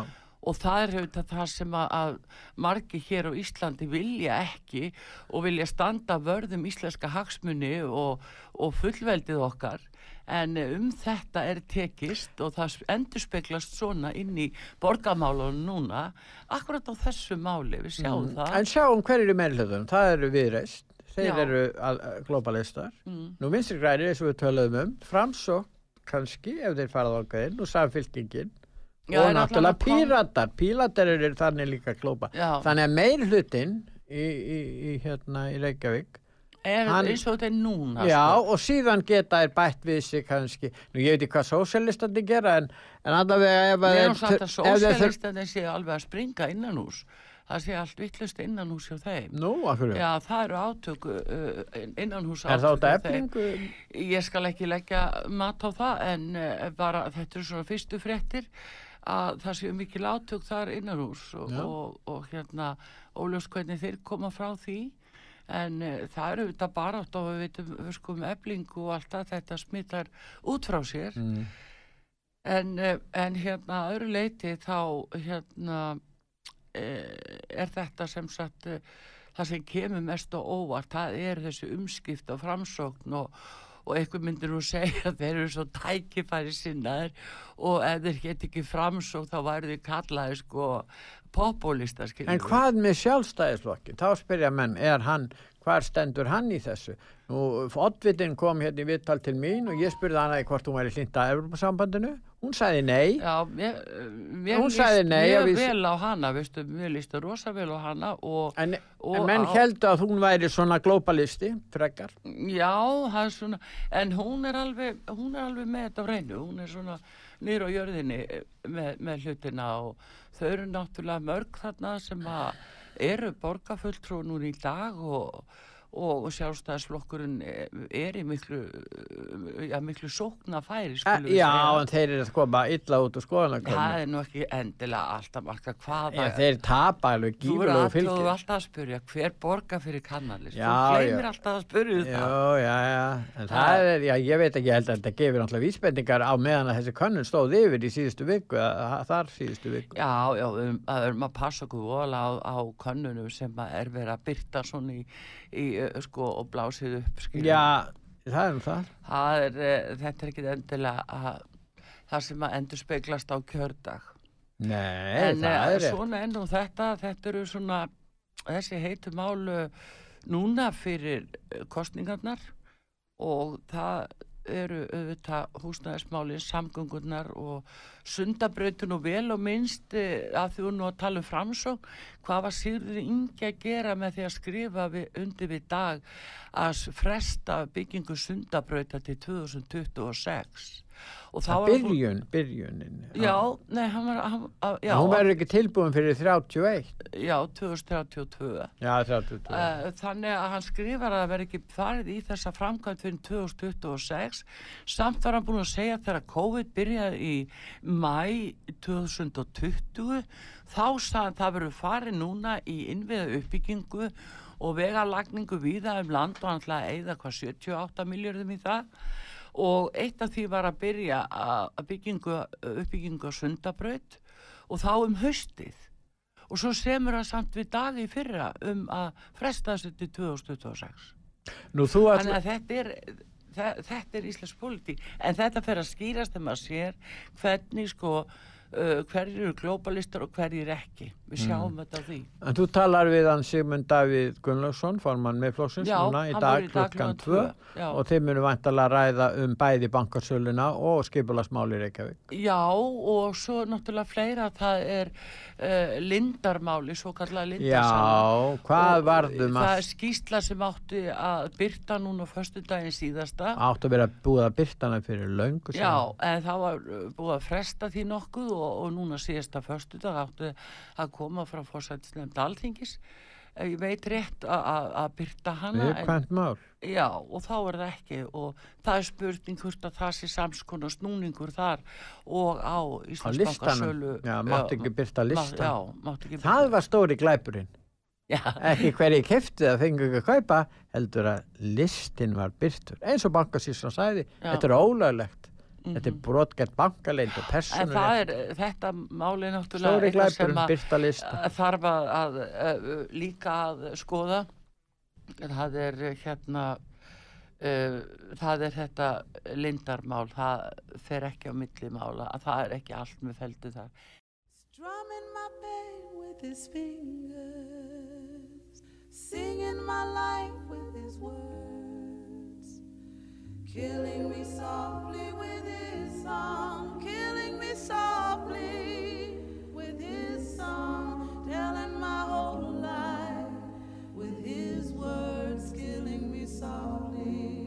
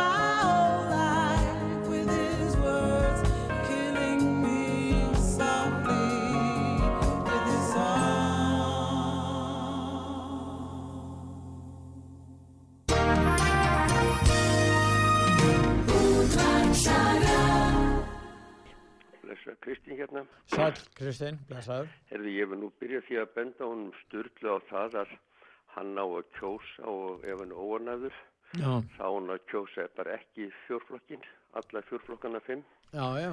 því vegna þess að skiptu var miklu máli að, að þeir sem sko svíkjöld kostningalofur, að þeir missi atkvæði til annar, það er það sem skiptir máli. Mm. Við þekkjum nú bestu dæminum öll lofurinn til gamla fólksins Já. að þau gleymast bara á kostninganóttinni sko. Hvað finnst þér mikið vera rætt um þessa kostingar núna? eru tíu dagar eh, virkir? Nei, mjög- mikið sko, það er, það er oft, mér finnst oft það verið meira sko. Já, ég líka. En, mér finnst það. en ég hringdi nú út af öðru. Það var út af ágættum maður sem hringir oft þetta inn, Viðar nokkur, Guðjónsson, Já. Og hann fór að minnast á þetta hvernig ríkið seldi eigu sínar og leiði þar. Já. Nú vildi ég gætnan, það er mikið búið að tala um þetta, að það kemur hvergi fram út af hverju þetta er gert.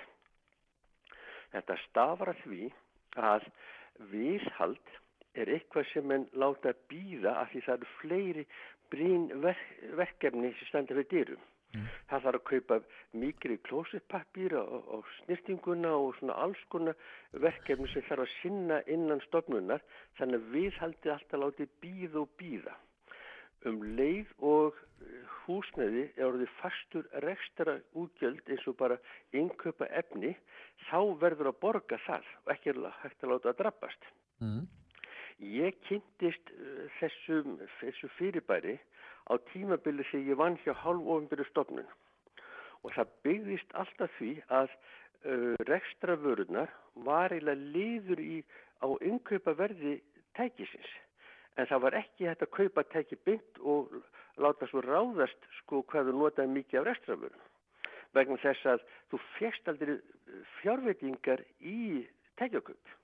Og þá var þetta gert með því að kaupa, eða fá tækið með því að kaupa ákveðin magna rekstrafur.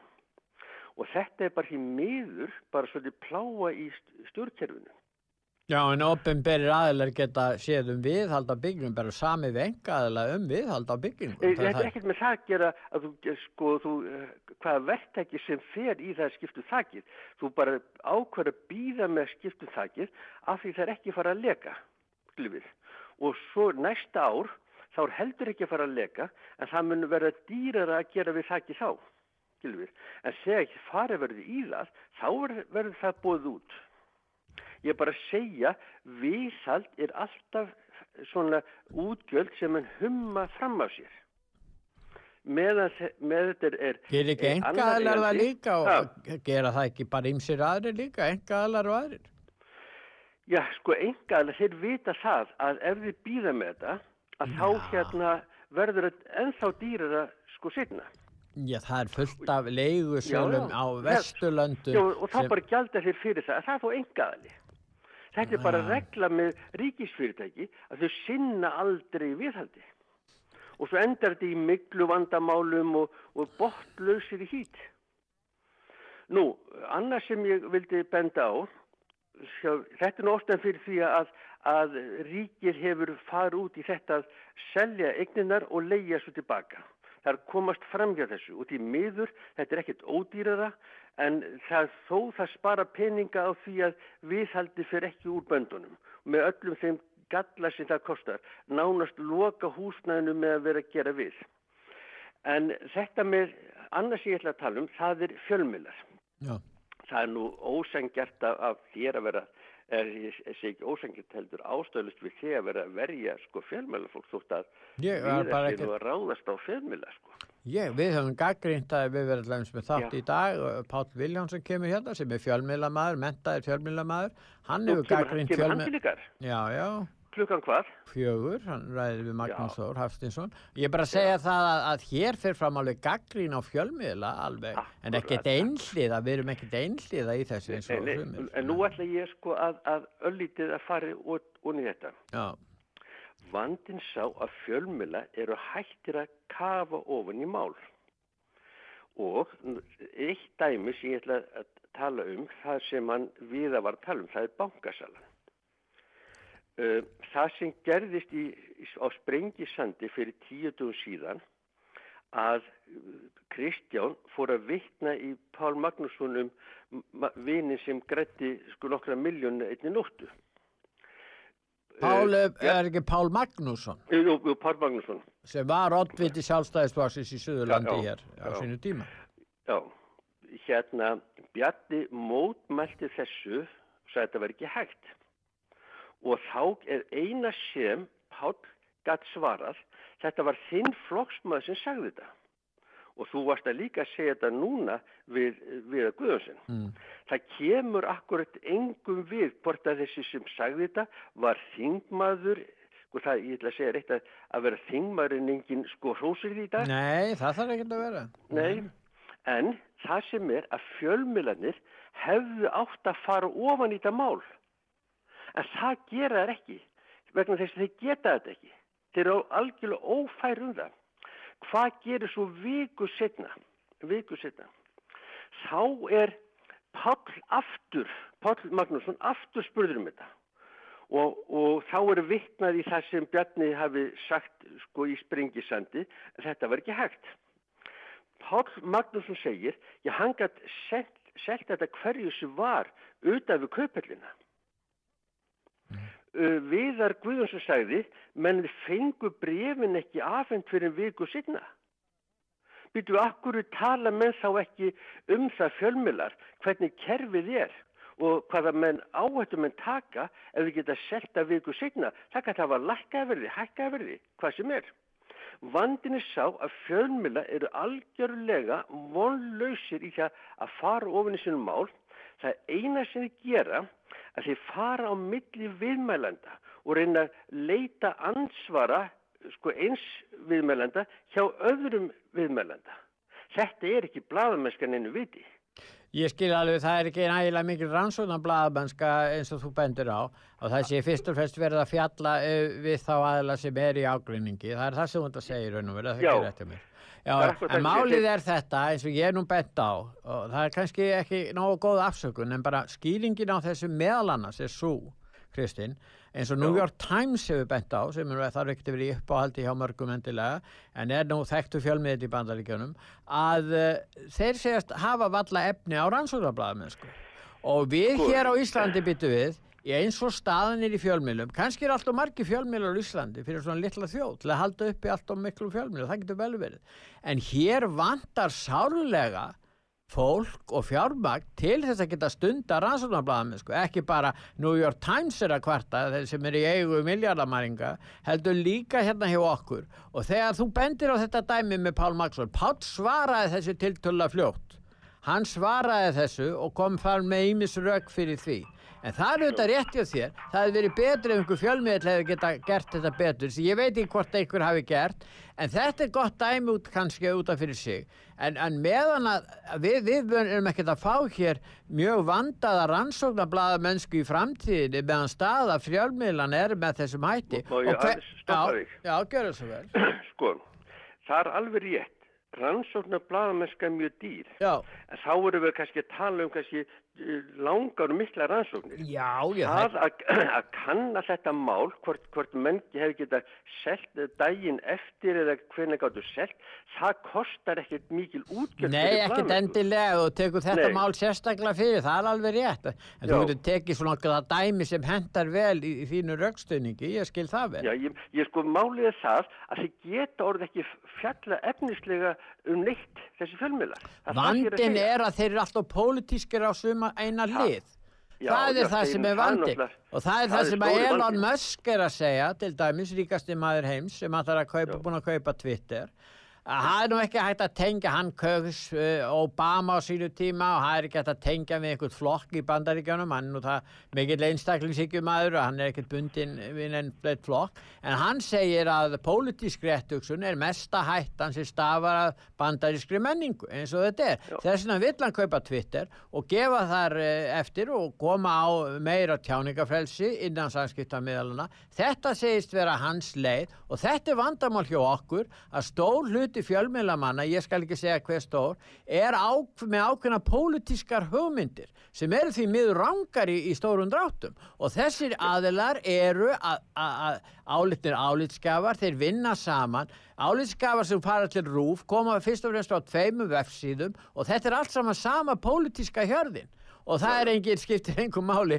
hvort það sé rannsóknarblaðamennska eða eitthvað annað. Það er þeir bara að standa saman um pólitíska eh, afstöðu um að verja sveitafélög sem eru komið faktist á hausin ef þeir hafa ettan pólitíska lit og svo framvísi, það er ekki að segja meira. Þetta er vandin hjá frétta að þeir eru alltaf pólitískir og þeir standa með ákveðnu flokkum Þeir getur auðvitað á áskilu sér rétt að hafa sína skoðanir en þeir eru að leifa líka öllum öðrum að koma inn í fjölmilana og raukstuða sína skoðanir fyrst þeir get ekki hérna, eh, gert það öðruvísi. Hörðu, en ég er búin að koma þessu að þér sem ég ætla að koma að hringja. og, og ég ætla að bara leifa öðrum að komast að. Þakka þér fyrir þetta. A candy-colored clown they call the Sandman tiptoes to my room every night just to sprinkle stardust and to whisper, "Go to sleep, everything is all right." I close my eyes, then I drift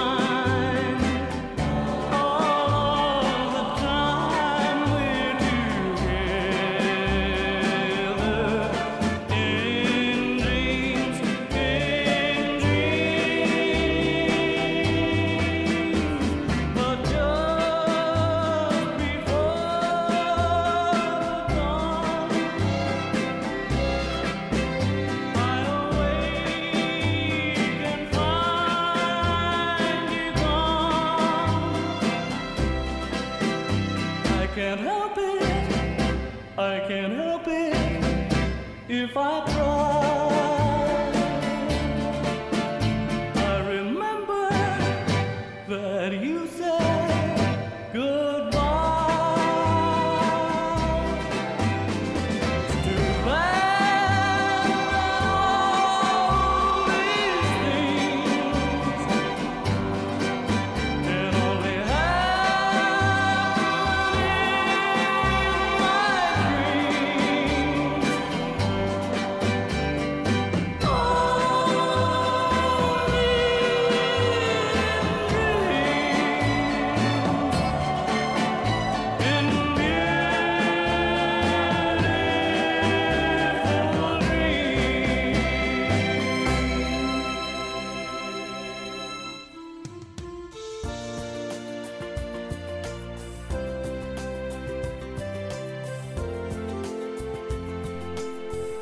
Ert að hlusta á útvarpsögu, það helsta sem var til umræðu í símatímum stöðvarinnar í þessari viku.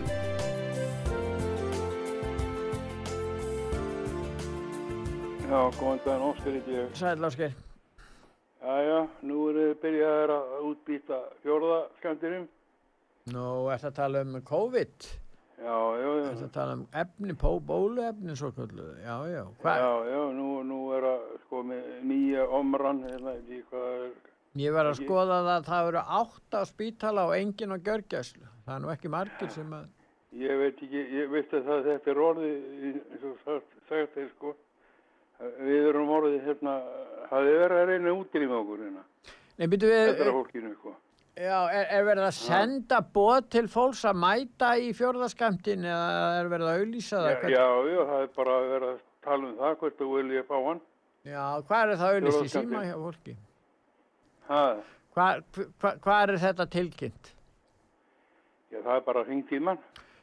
Var hringt í þig? Já, já. Nú... Ég var spurðið hvort að ég og kona mín vildi fara fá fjóraðskamptinn. Já, já, já, já. Ég, ég, hérna, þetta var nú fyrsta skipti sem ég var byggð, spurðið ræði hvort ég vi- vildi fá það, sko, skilur. Já, já. Það var nú skilir í... En spurður af hverju, af hverju þú ættir að taka hann? Já, það var ástæðan fyrir því að, að það var nú búin að nýbúið að gefa út að, þeir sem væri áttaræðir og eldri, Já. þeir þurft á þess að halda. Já, en af hverju? Ég veit, já, það bara, ég veit það ekki. Nei. það er engin útskýring, það er engin ábyrð, það er ekkert sem segir manni að þetta gagnar manni. Og, en nema það eitt, að við, vitum að fjórðiskantur var, var bara sa- sallust, sko.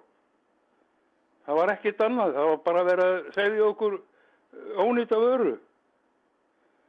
En af hverju er þeir núna að þessu að tala um þennan fjórðaskapt? Ég, ég, átta mikið alveg á því. Já, það, þetta er enn handa þessum sem eru hérna. Og svo alltaf er að líka fara núna í börnin. Bara frá fæðingu og, og ég hvað, 6-12 ára. Og eiga þau að fá fjórðaskapti líka eða hvað? Nei, þeir eru að fá eitthvað svona 25% held ég. Já, já, ég mitt, byrja. Já, og það, það hugsaði bara að þetta er, þetta er sett inn í samningin sem hann gerður hérna sko þegar að hérna, yfirstaði allt saman. Og þá ætlar að byrja á þessu núna. Sko þegar að í raun að veru að það er engi þörf á þessu. Nema bara til þess að að ykkur hafi peninga á þessu. Hvernig verður það að koma þess á ykkur sem þurfa þarf á þessu að halda? Ég segi nú bara Já, ég, ég veit að það, ég er sko ekki hrættu að deyja ég segja þér. Nei. ég er frekar að deyja hérna, eh, hérna ánæður heldur en að vera hérna kvalinn eins og ég er búin að vera núna í uh, rúmt ár. Mm, Já, en, en, en sko burt sér frá því að, að þeir verða, hljóta verða útskýra hvers vegna fólk eigi að taka fjórðaskamtinn alveg burt sér frá aldrei. þeir þurfa, þurfa þess ekki. Nei, já, þeir Nei, það kemur þarna einhver opinberstafsmaður Þið eru sóttvarnarragnir hérna, stjórið hérna. Já. og hann kemur með eitthvað ræðu að þetta sé svo gott fyrir mann. En það er aldrei útskipt fyrir, fyrir manni hvað afleðingar getur þetta haft Þeir voru nú gætan að tala um að þeir þyrstum að lifa með Omikron eða lifa með þessu já. afbrigði eða þá bara við, með COVID og er það þess vegna að en, en, en hvað, akkur segja er það að er, er hún ekki að hverfa úr eh, umhverfinu þessi, þessi veira? sko ég held að hún hafi bara horfið hérna sko eftir fyrsta skamtinn sko Já, þeir eru að tala um að síðustu 14 dögum hafa einhverju smittast, segja er sangat þessum já, upplýsingarverð. já, já, já, já ég hafa nú líka verið að tala um daginn að fórsettina hefði fengið Já. COVID-ið þarna sko hann, hann er kannski hlupið á, á, á hana hérna þegar hann er út að ganga Já, en þeir hljóta, en, en, þeir, en þeir hafa ekki auðlist þetta mjög í fjölmiðlum en þá verður að útskýra það hvers vegna að það er að, afhenda eða gefa þessa fjórðu sprautu en það er hlýtur að vera. Og líka að börnin. þetta sé, þetta sé orðið svona uh, história. Já. Já, nú, núna er búið að koma, að koma í trú, fólk í trúum það að þú getur ekki lifað á þess að vera sprautaður. Ég, eh, geta maður ekki bara fengi bara þessa, um, hérna, hérna, gleðið sprautu bara í staðinn. Já. Það myndi líða miklu betur. Maður, er- búin að vera í tvö ár í, Já. nánast af því að það er búið að telja að manni trúa að maður eigi að vera með grímu og, og, og, koma ekki nálægt fólki og ég veit ekki hvað og hvað Já. og svo núna að kemur önnur seifla hérna sem má fara að byrja að- að að manni trúi það að maður verið sprautaði með þess að að- að það sé eitthvað björg, björgötur ég, ég bara treysti ekki þessu lengur þetta var talað um að, að þetta var 96% sem kom í ljós að þetta var ekki þetta var ekki hérna landsins verður sko Nei. nema, nema þó að, að man, menn fengur bara aukaverkanin eins og ég gerði ég, er að, ég er ekki ennþá búin að jafna mig eftir, eftir rúnda ár Nei. ha. ég er ennþá uh, bara með skerta bæði bræð og, og þefskinn það getur ekkert verið þetta því þetta var aldrei háð með alla mín æfi að finna ekki bráðum og, og svoleiðis þangað til að ég komst í nánd við þetta þennan óþvera, segi ég bara Þakka þið fyrir að ringja áskeið. Blessaður. Þakka þið fyrir, blessaður.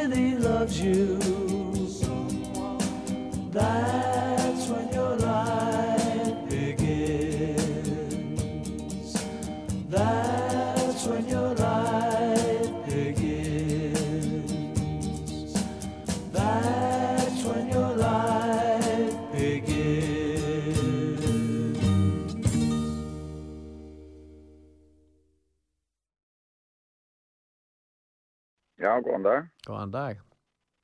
Hvernig hefur þú það í dag?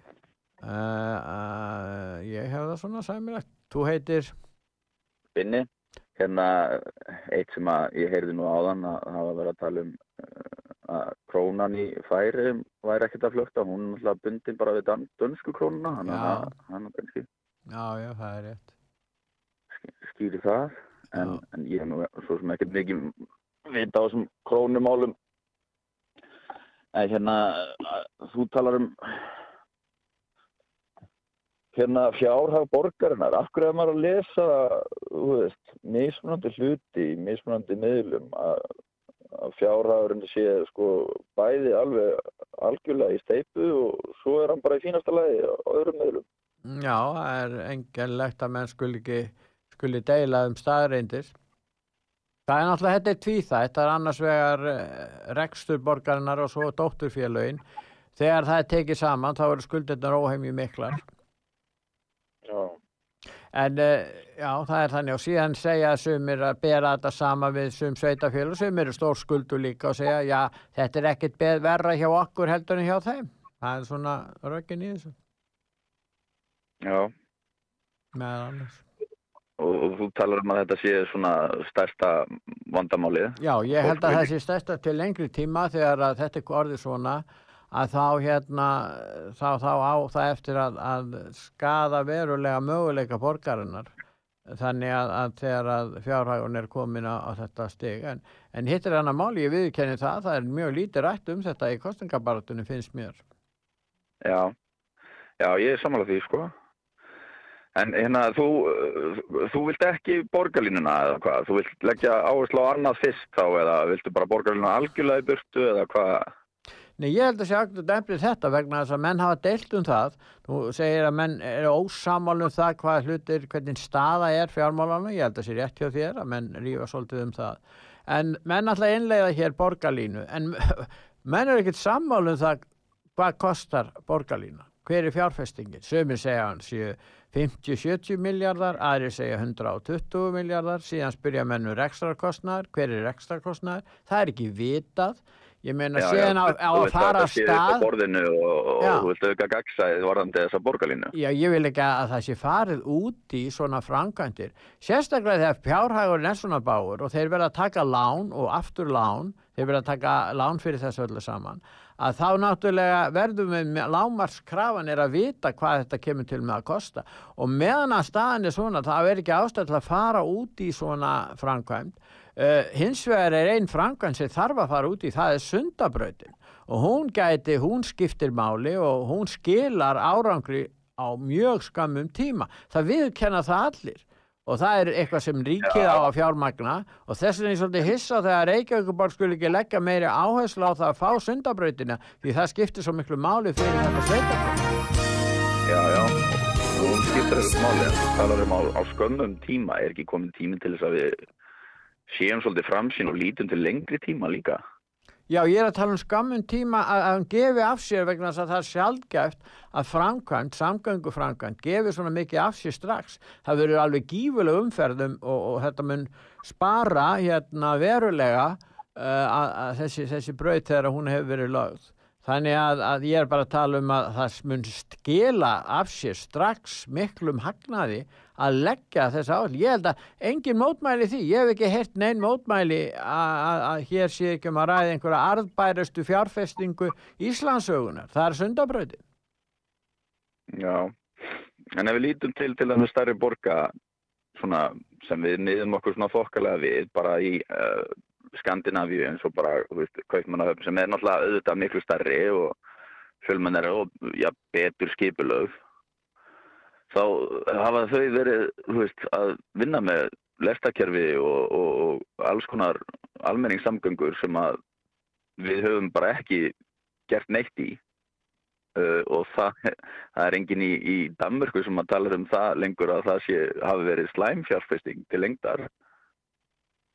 Nei, það var náttúrulega, borgin var skipulöðu allt öðrum tímum og hún hefur þróast með allt öðrum hættu og veðu farið talsvört öðruvísi þar. En það er alveg rétt að meira og betra og það er víða, ég hef nú búið verið erlendis og verið þar og að þeir svo margir og, og það eru þetta menn nota þar samgö, hérna, almenningssamgöngur í meira mæli heldur en hér heima. Það er alveg rétt. Og, og, það, það er það, alveg er bara, það, það er gert almennilega með, með langtíma plan í huga. Já, en, en þá er, ert að tala um langtíma plan núna. Nú eru samgöngur að breytast svo geifulega. Við erum að fá sjálfvirkni í sambandi við bíla í framtíðinni. Ég meina, það, það, það, er, alveg, það, er, það er gamaldags að vera að innleiða almenning samgöngukerfið eins og hefði þurft að gera þá í upphafi 20. aldarinnar. Við erum að tala um allt annað stæmi núna. Ég reyndar ósamála því sko að það sé gamaldags að innlega sko alvöru almenningssamgöngu stofna þú veist, að sjálfkerrandi bílar mun aldrei leysa af, sko, þú veist, fát, eðlilegt fólk mun ekki Jú. geta bara keipt sér Jú. sjálfkerrandi bíl, Nei, bara hægri vinstri. það þarf ekki að gera það menn hafa bara sín kort og svo pantaðir sjálfvirkan bíl og hvað sem er, ég menna. Þannig verður það í framtíðin, það verður miklu betri þjónusta og síðan verður þetta bara verða þeir í gangi alla sólaringin. Það, það er Hverju búið, munu eiga þessa sjálfkerrandi bíla? ha, Hverju munu eiga þessa sjálfkerrandi bíla? í það verður kannski bara hlutafélög og hlutöksalega opinberir aðila líka, ég ekki segja um eignahalduna. En það verður, þetta kemur og þetta mun stór bæta þjónustuna og þetta er einhver framtíð í þessu en að vera að leggja einhverja vagna og sporvagna eða, eða einhverja, einhverja samhangandi hérna, strætisvagna á hjólum sem verða hálf tómir svona eins og strætisvagnir er núna. Ég veit um ekkert nema að það verði þannig. Ok, þannig að þín, þú vilt bara sleppa því og við erum á sein til þess að taka þátt í þeirri þróun og núna eigum við Rétt. bara ein, einbytt okkur að einhverju framtíðar, einhverju framtíðar einbeita- sjálfkerrandi bílum. Við eigum að, að beina sjónum okkar að sundabrautinu núna, drífa, drífa í því strax. Það myndi draga úr álægin að vissu marki hérna hjá okkur og síðan eigum við að þróa það, já, að, að þróa hérna það að, að hér verði meiri sjálfvirkni að þessu leiti og reyna og það er að vera fremstir í flokki og það með að vera sko sannlega ramags styrðir bílar. Já, reknir fyrir. En ég þakka þið fyrir að tala við okkur og ringi okkur. Já, Heyra þín fyrir viðhorf. Hefur góðan dag. Sömulegis, bless.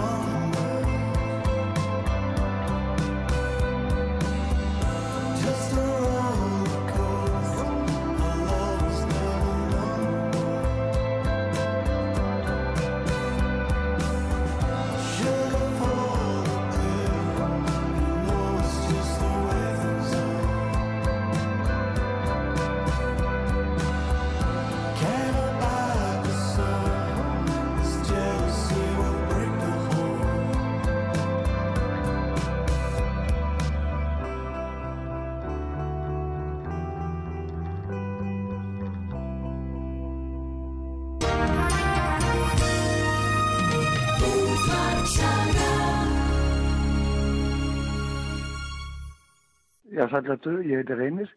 Blessaður reynir. Ég hérna uh, er búin að vera að hlusta okkur síðustu 14 eða 15 árin, eða lengur kannski. Já, Og, eh, og er nú ekki búsettur á Íslandi en nei. er búin að fylgjast svolítið með. Og ég verð nú að segja hann eins og er að, að hérna, ég held að, að uh, Bjarni Björn hafi spilað þetta algjörlega beint upp í hendunum á degi. Ég, ég er ekki að sjá að, að, að borgin komi til með að tapast aftur.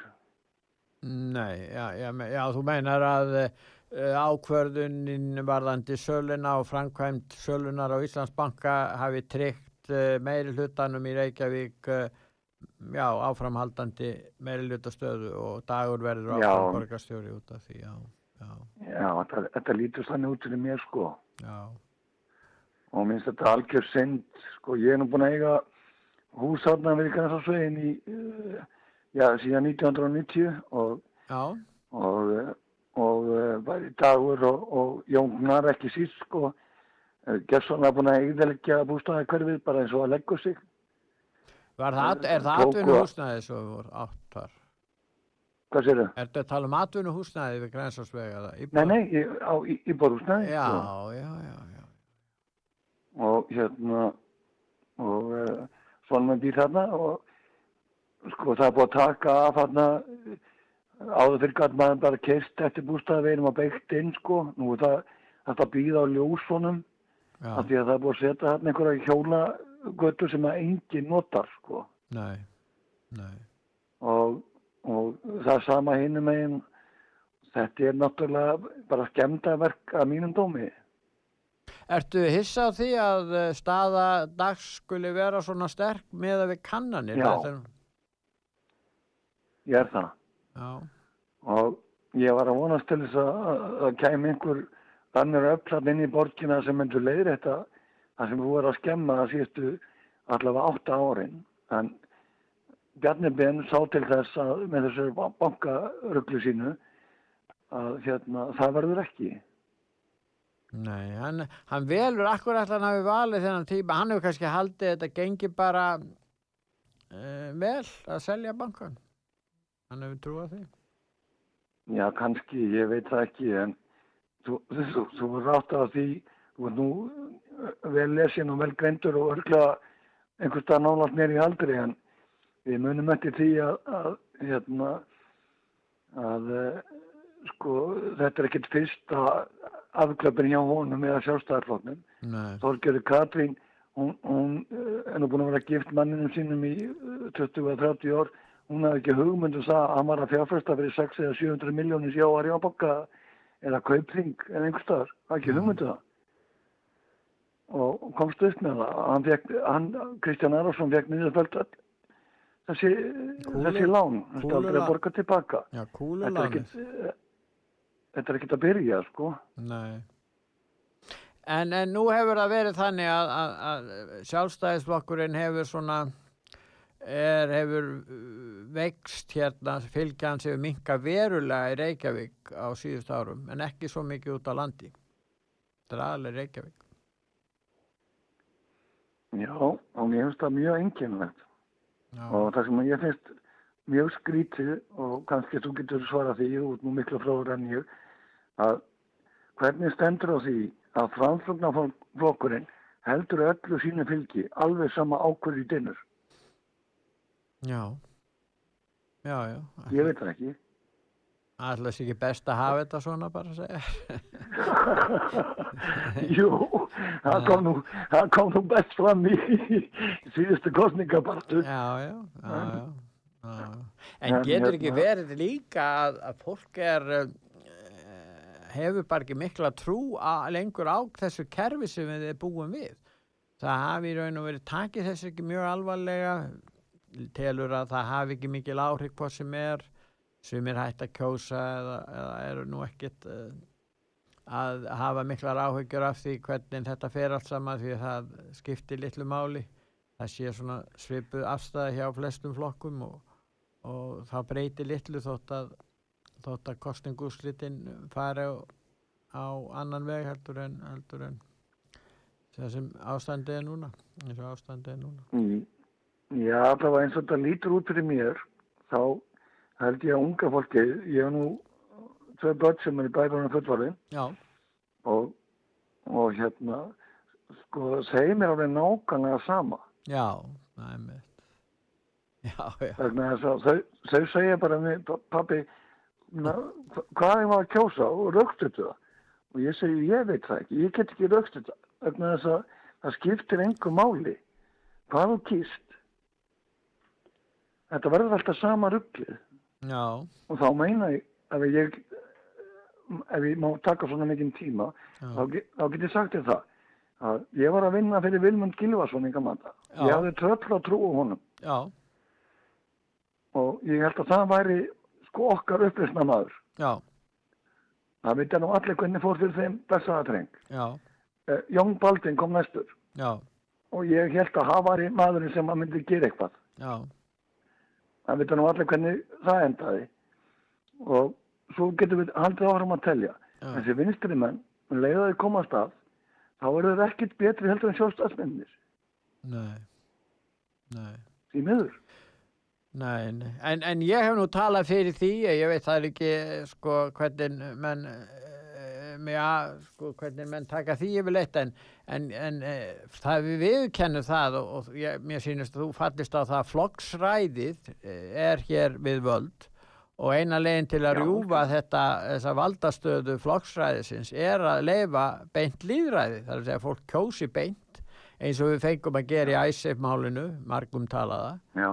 Það Já, er eina, eina leiðin sem ég sé út úr þessu þegar þú ert að tala um og, og það sé Já. besta leiðin en, en nú það var samþygt af þjóðinni það var stjórnlega ráð sem laði til að við fengjum beint líðræði en síðan var ekkert farið eftir niðurstöðinni, það var ekki bindandi þjóðuratkvæðagreisla þannig að við setjum uppi með þetta kerfi fulltrúa líðræði og flokksræði og, og það breytist ekkert eins og þú segir Nei.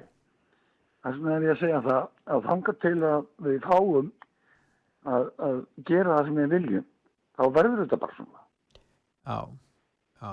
Til dæmis er er væri það ekki upplætt ef, ef að borgin íbúarnar í Reykjavík eða jafnvel eh, landsmenn þess vegna, ef minnstakost íbúar Reykjavík, fengi að kjósa um borgarlínuna, sérstaklega. Já, ég get nú sagt þér eitt eh, hérna félagi að ég bý nú hérna í Stafangur Já, búin að ver- vera hérna í, í 14 ár og, og ég þurfti að hlusta á hérna varaborga já, þar sem að bara dásum að þetta um, umhverfi, hérna, umferðarkerfi hérna já, sem er algjörlega handónýtt sko. Ef að ég þarf að taka strætónir í bæ mm. þá tekur það 45 minnur.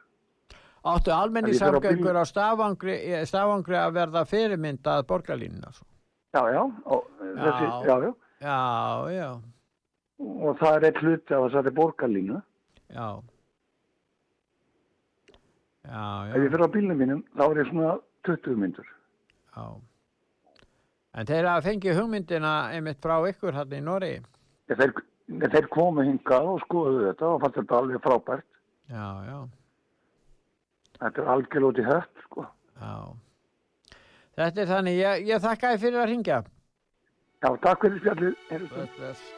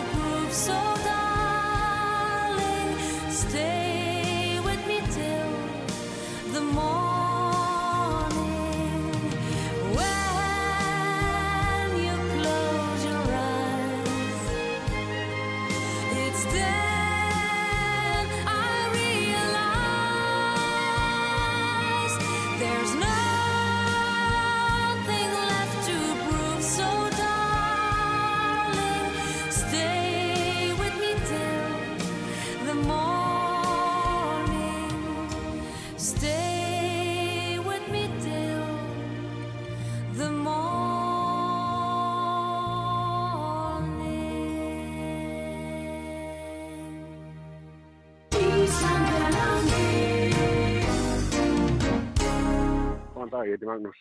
Sæl Magnús, blessaður. Herði, ég á hann til að syngja inn til ykkar svona með þegar mér finnst þú er að þú ert bara með fleipur og, og með, meðhundla það sem hérna sem staðrendir Jæja. og hérna, ég, ég ætla ekki að segja að ég gerir mikið af því og, og hérna en sko mér finnst svona alltaf mikið vægt að að fjö- fólk og fjölmiðla átti sig á, valdi fjölmiðlana Já. en, en hérna sko, hvernig rúf meðhandlar þetta hlutverk sitt er náttúrulega sko, þið er náttúrulega er, sko, bara þið eru bara hérna þið komist ekki á blað sko, þegar, þegar hérna, maður horfir upp á hvernig þeir meðhandla hérna, hins svo kallega sannleika Já, við erum allavega Ég- skárið en þeir, meinar Ég, ég sko, það, það er ekki, það er eiginlega ekkert að tala um ykkur saman daginn, sko. Nei, Hérna, nei. það, það sem að, mér er blöskað, núna, það var, hérna, skal ég segja þér í fyrra dag, Já. að, að Kastljósi hefur verið að fjalla um svona megin efni sem að verði, verði kosið um núna. Já. Og í fyrra dag var, hérna, kynnti Sigriður Dögg, formaður laðmannafélagsins. Að, að hérna nú er það um, umhverfismál. Uh, hún, hún, hún sagði okkur þá staðrind að hérna að umhverfismál verið það sem þessar kostninga myndi snúast um. Já. og svo síndi hún okkur fram á þá staðrind að það væri það væri, þetta væri það sem allir væri að fjallum allt, hérna, allt snýrist um kom reynda fram í könnun að, að sko þau voru langt aftur í tíman og þá hefðu 8% talið þetta vera mikið versta málið Já. en nú hefðu það farið upp í 20% sem að þetta vera aðalmálið Já.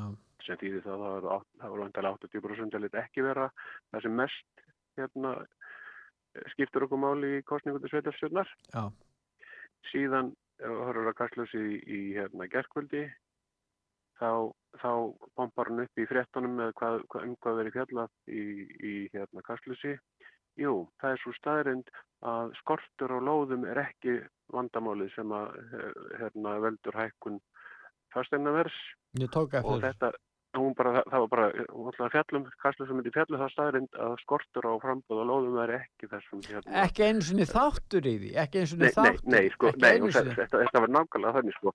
Það er bara, það, það er bara síð, hérna, sögðu sögðu það, væri bara, það væri ljóst Já. að skortur á lóðum er Já. ekki það sem að, hérna, orsakaði þetta háa fasteinaverð og hérna, og síðan, sko, og, og í báðum þessum þáttum, hérna, síðan, bara, síðan kemur kastlur, þá kemur fullur, kemur aftur með þessa fulleringu, það sé bara staðrind að þetta sé ekki það og síðan náttúrulega leittir fram nokkrir hérna nokkrir, við skulum segja bara hérna við reysnum samfélgingarmenn og sem að, sem að bombum með þessa staðrind og að, að búa til alls konar, já það er fullt af landi út um allt, það er bara, veist, þeir eru eitthvað meina að sko segja, er- það er bara svona aðeins eins og Arjónbanki sem er ekki búin að sko fara stað með, sem er ekki búin að fara stað með hérna þetta blikastæðaland, eitthvað, þetta er allt heimagenn, þetta eru síðast bara sæðlabankram að kenna, nú er það hérna einhverjum ein, vondum einkaðalum að kenna, þeir hafa ekki gert neitt í þessu og eitthvað, eitthvað, eitthvað. Já.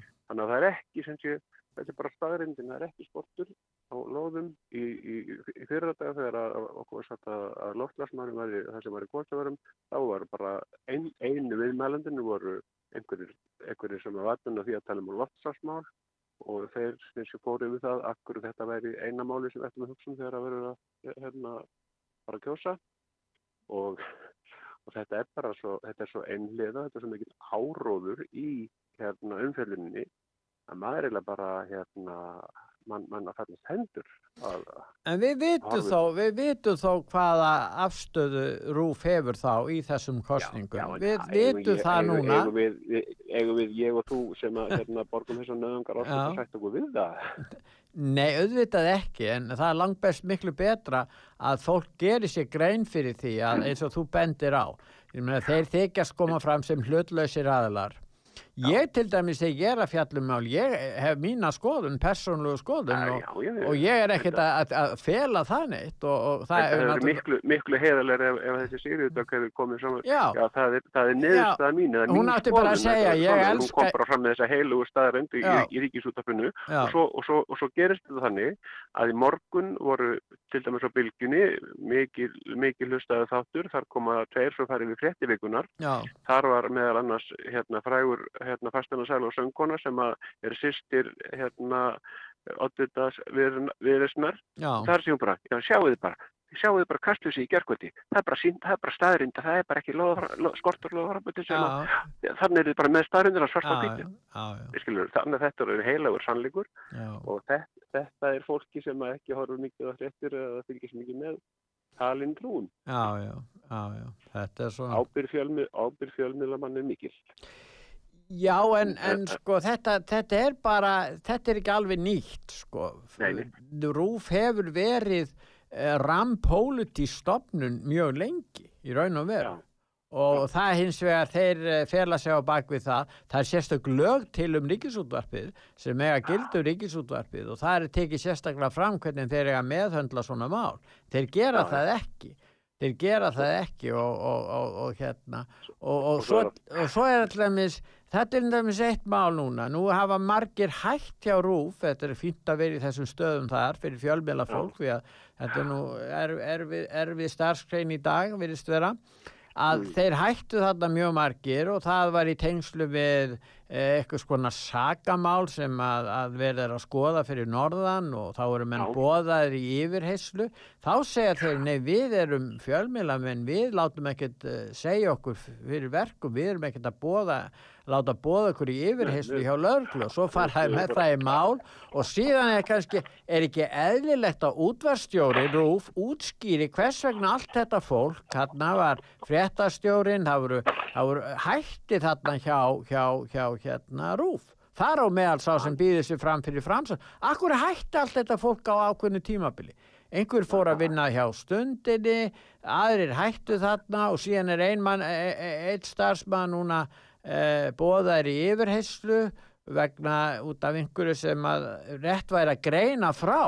Er ekki eðlilegt að greina frá þessu? Þetta getur tengst hápólitísku máli. Þá er eðlilegt að þeir kæmu fram ofinbelega því að þeir greina sannala frá því þegar að aðrir verða fyrir, fyrir ykkur slíku. Ég man þegar að ég var ránglega ákærður fyrir eitthvað skokallaðan hatursklæp, þeir greindu frá því að ég hafi verið bóðar, auðvitað mætti ég hjá löglinni og greindi frá minni afstöðu, ég var ekkert að gera neitt annað. Var, var, var, var ekki meiri sé að gera fréttir bara um það að, að, að út af saga segðu upp starfsmenn? Já, já, ég meina það var allt, já, já, þá höfðu mikinn áhuga því, en þegar það sko. kemur að þeim sjálfum, þar sem þeir eru með, með aðla sem að, og við vitum ekkert út af hverju þeir er, þá heyrist ekkert í þeim, en það heyrist allt um okkamál og byrða byrt byrta myndir af því, með þess að ég var, eh, það var ekki eins og búið að, ég var ekki búin að fá ákærun í hendur þegar að, að, að, að þeir voru farnir að fjalla um þetta. Þetta er náttúrulega svo sérkennilegt hvernig þessi stopnin starfar og. Já, og kemst upp með það. Og það er enginn að gera aðtúasemdir svo er einn maður sem heitir Páll Viljámsson hann hefur verið að rekja þetta mál og, og margir sagt að þetta getur bara verið einhver tilbúningi á honum. Það er engir aðrir fjölmiðlar að fjalla um þetta skilur Já, og það me- að meiri sé að svoleiðis alveg eins sem, sem er sko sem er hérna partur í áróð í vinstri manna er að, að hérna það er alltaf fluttur hérna alveg eins og það er talað um sko skrimsla, skrimsladeild sérstæðisflokksins sem, að- sem að hérna og það var alltaf það var alltaf talað um sko hérna og svo er, og svo er sko hérna svo mikil hægri slagsíða á, á, á hérna rúb, þetta sé endómir, endómir hægri minn þetta er mest, mest í hérna anti, eða hvað ég segja þeir, þeir, þeir, þetta er náttúrulega sko algjörst hérna samfélkingar sjónvarp sko, Já. Heyrðu, við, ætlum að líða núna ölsingar en ég þakka þér fyrir að ringa Magnús. Blessaður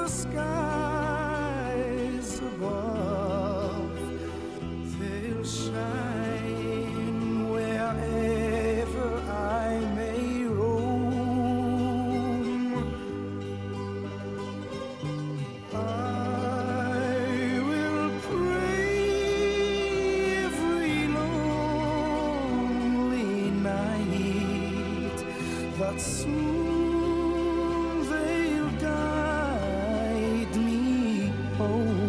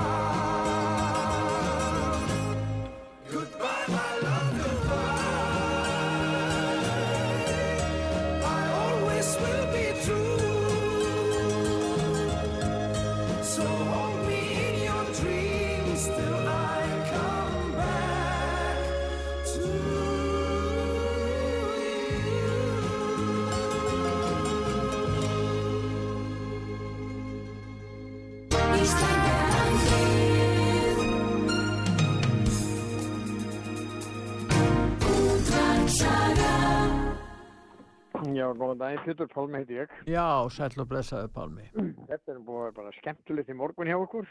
Að heyra. En ég heyrði svo skemmtilega auglýsingu frá vinstri grænum í Reykjavík. Já, hvernig var hún? Og já, hún var dálítið mögnuð vegna þess að ég held að þeir séu ekki alveg búin að átta sig á því að þeir eru í, í, í, í sama flokki og borgarstjúrin sem er búin að vera að þurka upp öll græn svæði sem hægt er í Reykjavík. Já. Þeir auglýsa nefnilega það að númer eitt hjá þeim þarf að fjölga grænum svæðum í Reykjavík. Já, já, já, já. Skildu þeir þá alltaf rífa niður byggingarna strax. Já, þetta er nú á að vera grætt flokkur líka, eh, Vafki er það ekki, vinstri grænir. þetta- Jú, við sjáum það til dæmis á Vestmiðin á Bakka. Mm. Það er mjög grænt í kringum hana, er það ekki? 70.000 tonna kólum brent þar. Já, en getur ekki verið það, Pálmi, í dag, þú getur kannski stutt ákveðna stefnu eins og rótæka stefnu í umhverjusmálum, en jafnframt framkvæmt aðra stefnu í samráði við þá aðra gegn því að fá að sitja við völdi. Er, er það ekki bara það sem er að gerast og hefur alltaf gerst hjá okkur að það er mjög lítið að marka stefnumálin ef að völdi eru annars vegar í bóði? Jú, ég held að það sé alveg hárrétt hjá þér, Pétur. Það er, er akkurat svona, eins og lýsir. Já.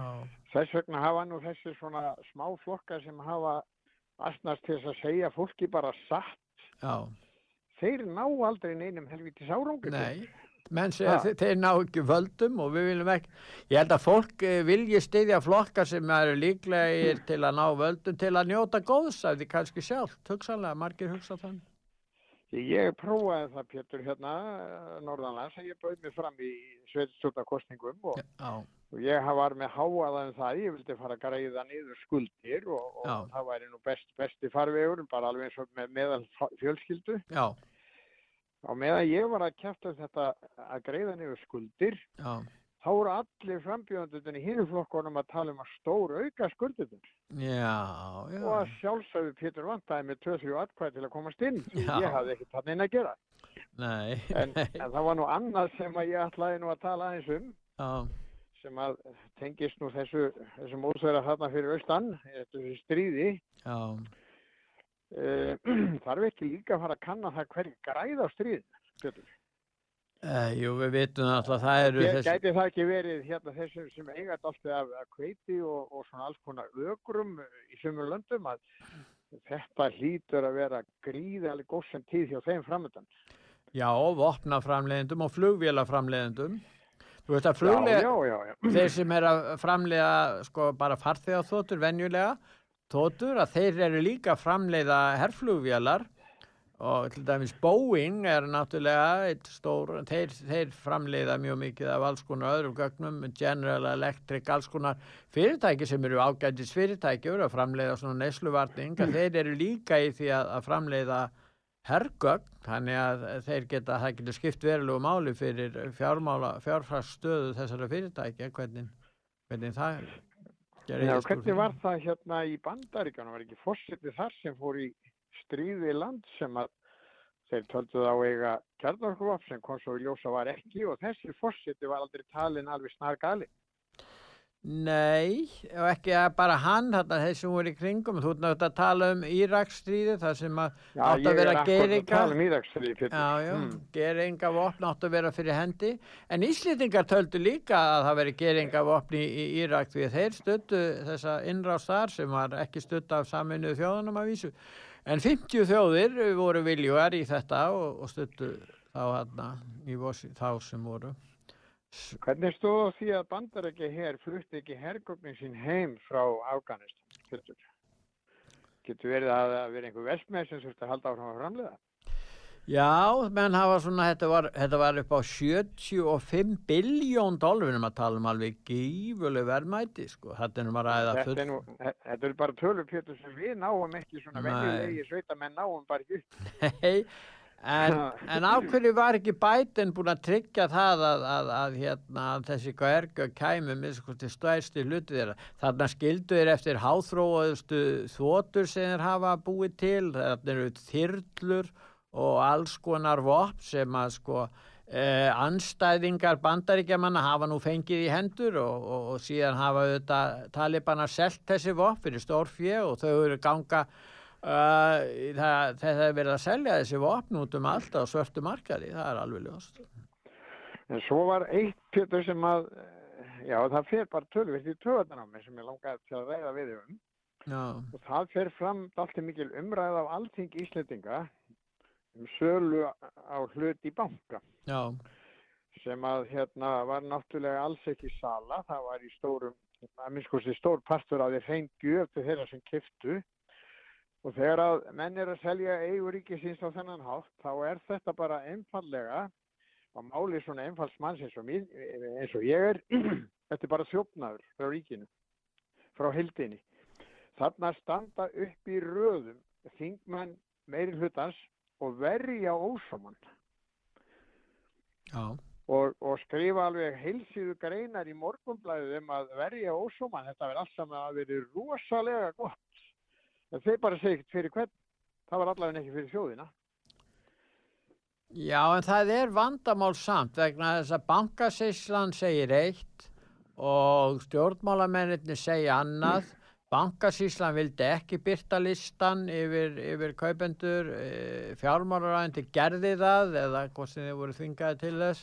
Þannig að, að e, það er alltaf þegar þeir rífast innbyrðis, valdaðalar og stopnanir, þá afhjúpar það í raun og veru oft á tíðum misræmið í því sem verður er að framkvæma og, og þess vegna verður gaggrínin háværari. Ef að bankasýslan og fjármálarændið og þessi meiri hluti þinginu og kannski tala ekki um hluti stjórnarnanstöðunar, ef þeir hefðu allir staðið saman og, og, og haft, uh, þá hefði þetta ekki orði jafn, uh, hérna, ekki komið fram jafn hvers gaggríni, eða hvað heldur þú? Eh, Já, það er eitt sem bara svona eh, hljóma nú í hausnum á manni Pétur stundum. Já. Það heitir allt upp á borðið. Já, já, Eh, Það er yfirleitt ekkert upp á borðinu sem skiptir almenning máli að fá að vita. nei, þess vegna kemur ekki fram gaggríni í þeim málum sem að eru falin. Já, þetta er hérna, það þarf að fara að spurja þess að þingmænum sko, hvar er þetta borð sem alltaf á að vera upp á? En er ekki rétt að beita einhvers konar viðurlögum ef menn er að fela upplýsingar? Sko við tölum um tjáningafrelsið, Pálmi, og þú veist Já. alveg mín afstöðu vonandi til þess. Ég er hlindur því að, að það sé sko náttúrulega ekki verið að takmarka tjáningafrelsið. En þeir sem er að misnota aðstöðu sína og leina upplýsingum, akkur er ekki eitthvað viðurlög við því? Það er stóra máli því að það, ef, ef mann geta falið þessum að það á að upplýsa um þessi mál og, og setja í reglur um það að, upp, að stjórnveld eigi að upplýsa um öll þessi mál og eiga frumkvæða því. Þannig að þeir geti ekki bara vísvitandi falið eða svona látið eh, la, gert ekkert í málum og, og engin veit neitt um hvað er að gerast. Jafnvel innan þingsins. Stjórnarnanstæðan veit kannski ekkert um það og og það er þetta sem er gerir stundum og þess vegna, þa- þessu þarf einhvern veginn að breyta. Pétur, jú, það er alveg rétt hjá, við þurfum að breyta þessu, en til þess þurfum við að fá það sem við kollum lýraði. Já, beint liður. Við erum með flokksaræði Já, og það er ekki til neitt lýraði þar. mjög Það takmarka. er þess vegna sem að þeir hafa aldrei fundið borðið sem að að vera upp. Svo ætla ég nú bara ekki að segja meir í dag. Takk að þér að ringja. Takk. Þú ert að hlusta á útvarp sögu, það helsta sem var til umræðu í símatímu stöðvarinnar í þessari viku.